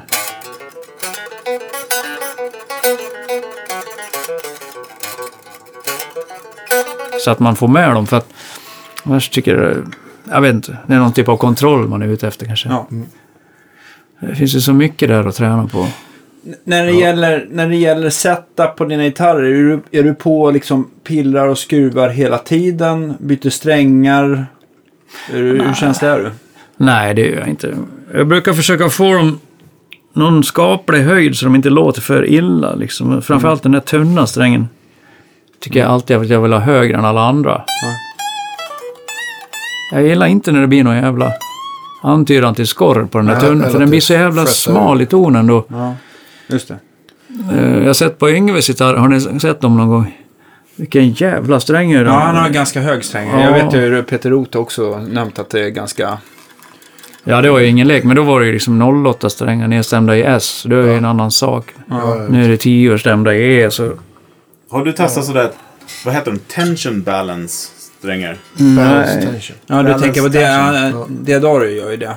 Balance Ja, tension. Joystring har väl också det. Ja, det tror Ja, men jag. jag, jag tycker oftast att det är att problemet, eller varför jag ratar dem direkt, jag har ju strängat på så till folk, Ja. men varför jag ratar det, det är att jag tycker oftast att G-strängen och D-strängen, det brukar oftast vara så att D-strängen blir ännu tunnare och rent sound, alltså klingningsmässigt i den starkare så är det ju oftast där man tycker, i alla fall jag blir mest eh, irriterad för att D-strängen brukar ju oftast G-strängen brukar ta över så mycket volymmässigt. Och på de här balance tension så brukar det bli ännu större avstånd liksom. Ja, jag testade de där joystringen. Jag tycker de är, eh, låter fantastiskt bra. Men det, jag kollade på det här TPS sist och då sa de det är en annan grej som kommer med det. Det är tydligen när man svajar så svajar så, så blir som på en stilgitarr nästan. Ah, att de- så det blir bättre de- ackord, Ja, men exakt. Ja. Lika med. Ja, för det vore ju fränt. Ja, det har du ju säkert Som en, vad heter den? Trans-tram som...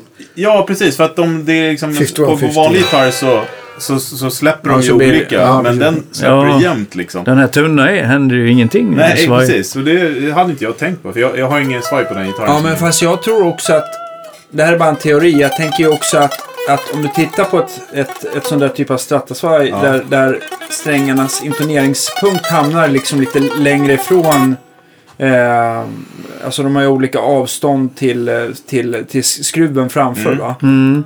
Så är det ju så att ju längre avståndet det blir, även om du stämmer upp den i samma pitch, den här G, om du skulle flytta den en centimeter fram och tillbaka. Så ju närmare skruven framför den hittar, desto mindre händer ju. Ja. Ja. Ja, medan det händer mer där bakom. Så att, ja. Nej, det var bara en parentes. Ja. Det var någonting så som att jag, jag inte... vet inte. Till slut kommer kanske det här balance tension bli för... Men vadå, är det en sträng? Det är alltså strängarna som är Alltså speciell- tjock, tjockleken är gjord så att de ska ha liksom balanserat strängtryck. Ja. Och vad har du då för någonting här nere då? Om du ska ha ett 010 set? Jag tror att det är ett 010 men istället för att det är typ en, låt säga att det är en på 10 26 ändå. så är det en 24, lindad 24 på D-strängen eller något sånt där. Jaha. Jag, jag kommer inte ihåg. Men det som är Stringjoy heter 1040 1048 är den. Ja, okej. Ja, ja, okej, så att det är lite tjockare. Ja, men men så så, så, har det inte varit på det, så har det inte varit på det Dario. Jag vet inte. Men det var vad jag kom på Men- det när vi Ja. kom Va- vad tycker du att du vinner på med den plektrum, alltså frihandstekniken hade jag på att säga? Ja, jag Eller vet. är det Jag har bara du- märkt att jag är dålig på den. Och jag har märkt att så fort du gör ett arpeggio måste du nästan ha... Du kan inte ha någonting fast då. Nej. Så jag tror att den biten skulle bli avsevärt förbättrad. Och även allt kompgitarrspel. Om man är van att sitta med lillfingret fastgjutet. Ja. Ja, man får bara få bort det så blir man friare. Mm. Tror jag. När det kommer till, när det kommer till strängar, du, jag förstod att du körde ett vanligt 10 set på dina gitarrer, Ja. eller? Ja. Är det något speciellt märke som alltid åker på? Ja, det är boomers. Jag vet inte varför. Jag har haft det sedan 80-talet när jag åkte på turné med John Norum och var förband och han hade boomers. Då körde jag också på boomers och sen... Ja, det funkar bra liksom. Så. Men är det så här att när du kommer över något annat så känns det konstigt? Nej, Nej. jag tycker det... Vad fan heter de? Det där är ju. De- De är lite mjukare och även de här Ernie Ball lite mjukare va? I, I här kä- känns- känslan? ja, i känslan. Jag vet inte hur de låter. Om det är något, de här brukar kännas hårdare i, när man ska bända. Just det. Och om det är bra eller dåligt vet jag inte. Men, Nej, det är väl, en, det är väl personlig preferens bara. ja. Jag märkte i alla fall en gång när jag spelade eh, så fick jag tag i GES-strängar. Jag kommer inte ihåg, jag var ute på turné så fanns inte Diadario som jag spelade. Och då blev det så, eftersom jag kör med flytande svaj på, eh, på mina stratter så märkte jag att svajet med samma tjocklek hamnade lite närmare Annorlunda. kroppen. Ja, ja, ja. Och det borde innebära att GOSen hade, att de skulle ge en mindre tension. Men det är kanske beroende på vilket sätt man använder. Så att jag, jag vet ja, inte. det är konstigt det där. Ja. Men det kan ju ändå upplevas som att det känns hårdare att bända. Ja, Även fast det borde... Ja. eh, jag vet inte. Sen, jag hade lite otur med Dadari. De gick av så ofta för mig förut. Så jag har bara gett upp det liksom. Jag orkar inte dra av strängar hela tiden. Nej. Och det har funkat bättre med boomers. Ja, men det här var ju på den tiden när jag, när jag körde med 09. Som det här, vet, 10 går inte av så ofta tror jag. Nej. Eh, Så det, kan, det är inte säkert att det är så idag. Får se åt Magnus och skicka upp ett set. Ja. En ny XL 10. Ja. Till dig. Ja, nej men det sträng, jag vet inte om det är så jävla noga. GMF sålde några jävla rostfria förut, kommer jag ihåg, för 25 spänn. Har ni provat dem? Ja, stainless. eh, Ja, ja, just det. Ja. Det funkar ju. Ja, De kändes aningen styvare kanske. Ja, men lite strävare va? Brukar ju stainless sträng, strängar bli lindade. Ja. Ja, precis. Ja, ibland så köper jag Örnebål om jag inte hittar några bommar så... Jag vet inte om det är någon gigantisk skillnad. Nej. Det kan jag nog inte påstå. Nej. det är väl, en, det är väl mest personlig pre- preferens tror jag. Och sen till plektrum så blir det jazz-trier va? Jag håller på med det. Jag, jag försöker komma bort från det, men... Försöker sluta som de säger. Men det... ja, för jag tycker de låter så tråkigt på akustisk gitarr och även på kompgitarr. De är mest fräna när man ska dra räkor och så. Ja. Tycker jag då. Eh, och, men de är bra för man vet ju vad man har dem. De, de viker sig inte mycket va. Går snabbt, glider snabbt över sträng. Sen en spets och man vet när den träffar liksom. Det är inte som en rund. Nej. Men, men det, jag vet inte. Jag ska väl försöka träna in lite av varje. Se om det går. Vad har du mer för, mer för gitarrer hemma som du spelar på? Du nämnde någon Les Paul, jag har ju sett din 335 och... Har du någon stra- ja, Stratta nämnde du också. Jag köpte en av Peter Roth, en eh, på Deluxe. Vad heter den? Sån där Michael Lando Relic. Sån här svart. just det. 68. Ja, de är skitfina. Jävlar, ja, vad fet den är i tonen. Alltså, den låter som en... Ja, jävligt frän. Det tror jag inte en Strata ska låta fet liksom. Ja. Skitkul. Ja. Ja, de där är skitbra. Det finns ju någon röd tror jag den är som är liksom 60-tals... Just det. Han har en 63 också va? Mm, precis. Ja. Och jag vet inte liksom om det är, men den här i alla fall, det är gitarren som är fet. Det är inte bara micken. Liksom. Nej. Det är skitfränt. Jag vet inte om det är så på alla hans, de där, men Kanske du hade Turex också. kanske olika. Jag har hört i alla fall att alla de där är bra. Ja, men absolut. Det har jag också det är hört. jättebra liksom. Ja. X. Ja, skitkonstigt. Kostar väl en del men det kan ju vara värt det. Ja, Ja, det är kul med fräna grejer. Ja, verkligen. ja Det alltid man roligt. Jag har väl på Les Paul också. Någon 58 reissue, 59 reissue. Och sen har jag en Tele 6... Fan är det? 62... 64 reissue. Ja. Sån här som spricker. Man bara gör sådär så flyger ur en flisa ur den. Ja. Det var något år de gjorde så. Så den blir en relic ganska snabbt. Den. Ja. Självrelikerande. Så har den en 57 reissue strata. en Vanlig sån här amerikansk. Ingen liksom... Ingen custom. Standard. Ja, så är det lite sånt där smått och gott. Och Någon S har en skitbillig SG special som låter hur jävla bra som helst. Jag vet inte hur det är möjligt, men köpte för 6000. Körde många schyssta solon på förra skivan på den. Ja. Och den låter... Folk som hör den där tycker fan den låter ju bäst av alla, säger de. P90, ja, jag tycker den låter väldigt bra. Det är bra. Sen en del tycker jag att eh, det är drygt när micken är flyttad här från halsen ner dit, en bit bort från halsen. Mm. För att det blir fel med någon jävla övertoner eller vad de säger. Jag tycker det är rätt fränt, då slipper man det grötiga. Ja, just det. Det blir en cleanare, clean upp lite. Mindre gröt. Ja.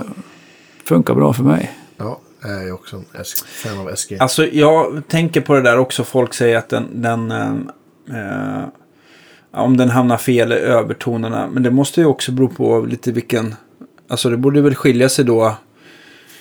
Eh, Vart i, man vilket, eh, I vilken tonart man spelar tänker jag. Så det, kanske, det, kanske är, det kanske är att det, det låter fel för E men det funkar skitbra för, för Om man kan F. fler tonarter så är det lugnt.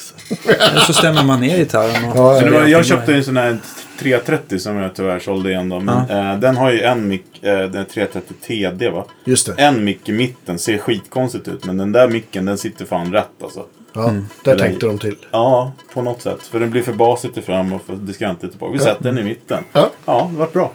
Har du tänkt på en sak? Om, om man bändar upp en ton på sista bandet här på tunna strängen. Mm. Då hör man nästan ingen skillnad om man har den micken eller, eller stall eller halsmick. Huh. Det är lika långt därifrån som det är därifrån. Ja, du menar Ja. från, från stallet till Just poolen. Det låter till, ungefär från lika. bandet till poolen. Ja, Ja, så då låter den där micken fetast när man är där uppe. Det blir ju helt inverterat. Som Steve Morrison säger att den här micken sitter liksom där det blir Halsmicken, minsta övertonen. Men det stämmer ju inte när du är här uppe och lirar. För då är det ju, som jag sa. Ja, de låter ju fan lika de här två. ja, just det. Det har jag fan inte tänkt Ja, är på. Men det, ja, det är det. Det ändras ju hela tiden. Ja. Okej, i och med att vi nu inte är i bild här så måste vi förklara det här på Ja, men-. Annars kommer ju folk bli, bli ramaskriga. Okej, Vå- så men- men avståndet vå- från eh, eh, sista band 21 till, till... till första polen på halsmicken är lika långt som från eh, s- Sadeln till stallmickens eh, första, första pool. pool. Fast åt andra hållet. Då. Fan vad opedagogiskt förklarat. Nej, Nej, jättebra. Våra, våra lyssnare Ja, fattar. okej. Ja, så kon- kontentan blir att på sista band så hör man inte så stor skillnad på stall Nej. och halsmick. Jag kan chocka er alla med att, eller det- chocka och chocka, men jag spelar nog eh, mest mitt-mick Ja. till rock'n'rollen där. Tycker det Tom, Tommy. Bolin-tricket. Nej, men jag tycker det är jättebra. Jimmy Vaughan. Visst. Ja, de låter, det är många som inte gillar de här mickarna i mitt, men jag tycker de är rätt fräna. Ja, det jag tycker jag gillar också. dem jättemycket. Verkligen. Du kan ju köpa Richard Blackmores alla mittmickar, för han använder väl inte dem. Nej, Precis. och Yngves. Men du, de- den här frågan på sista grejen. Det vart en, det vart eh, ESPn helt enkelt. Ja. Ja, jag vet inte fan. Finns det någon pryl som är så jävla frän? Eh, Ja, men det är klart, man måste ju sälja dem i någon ordning. Och vilken säljer man sist? är Ja, det så ni menar? Ja, ja. Precis, ja, det var precis så vi menar. Inte fan om jag har någon så jävla frän grej egentligen.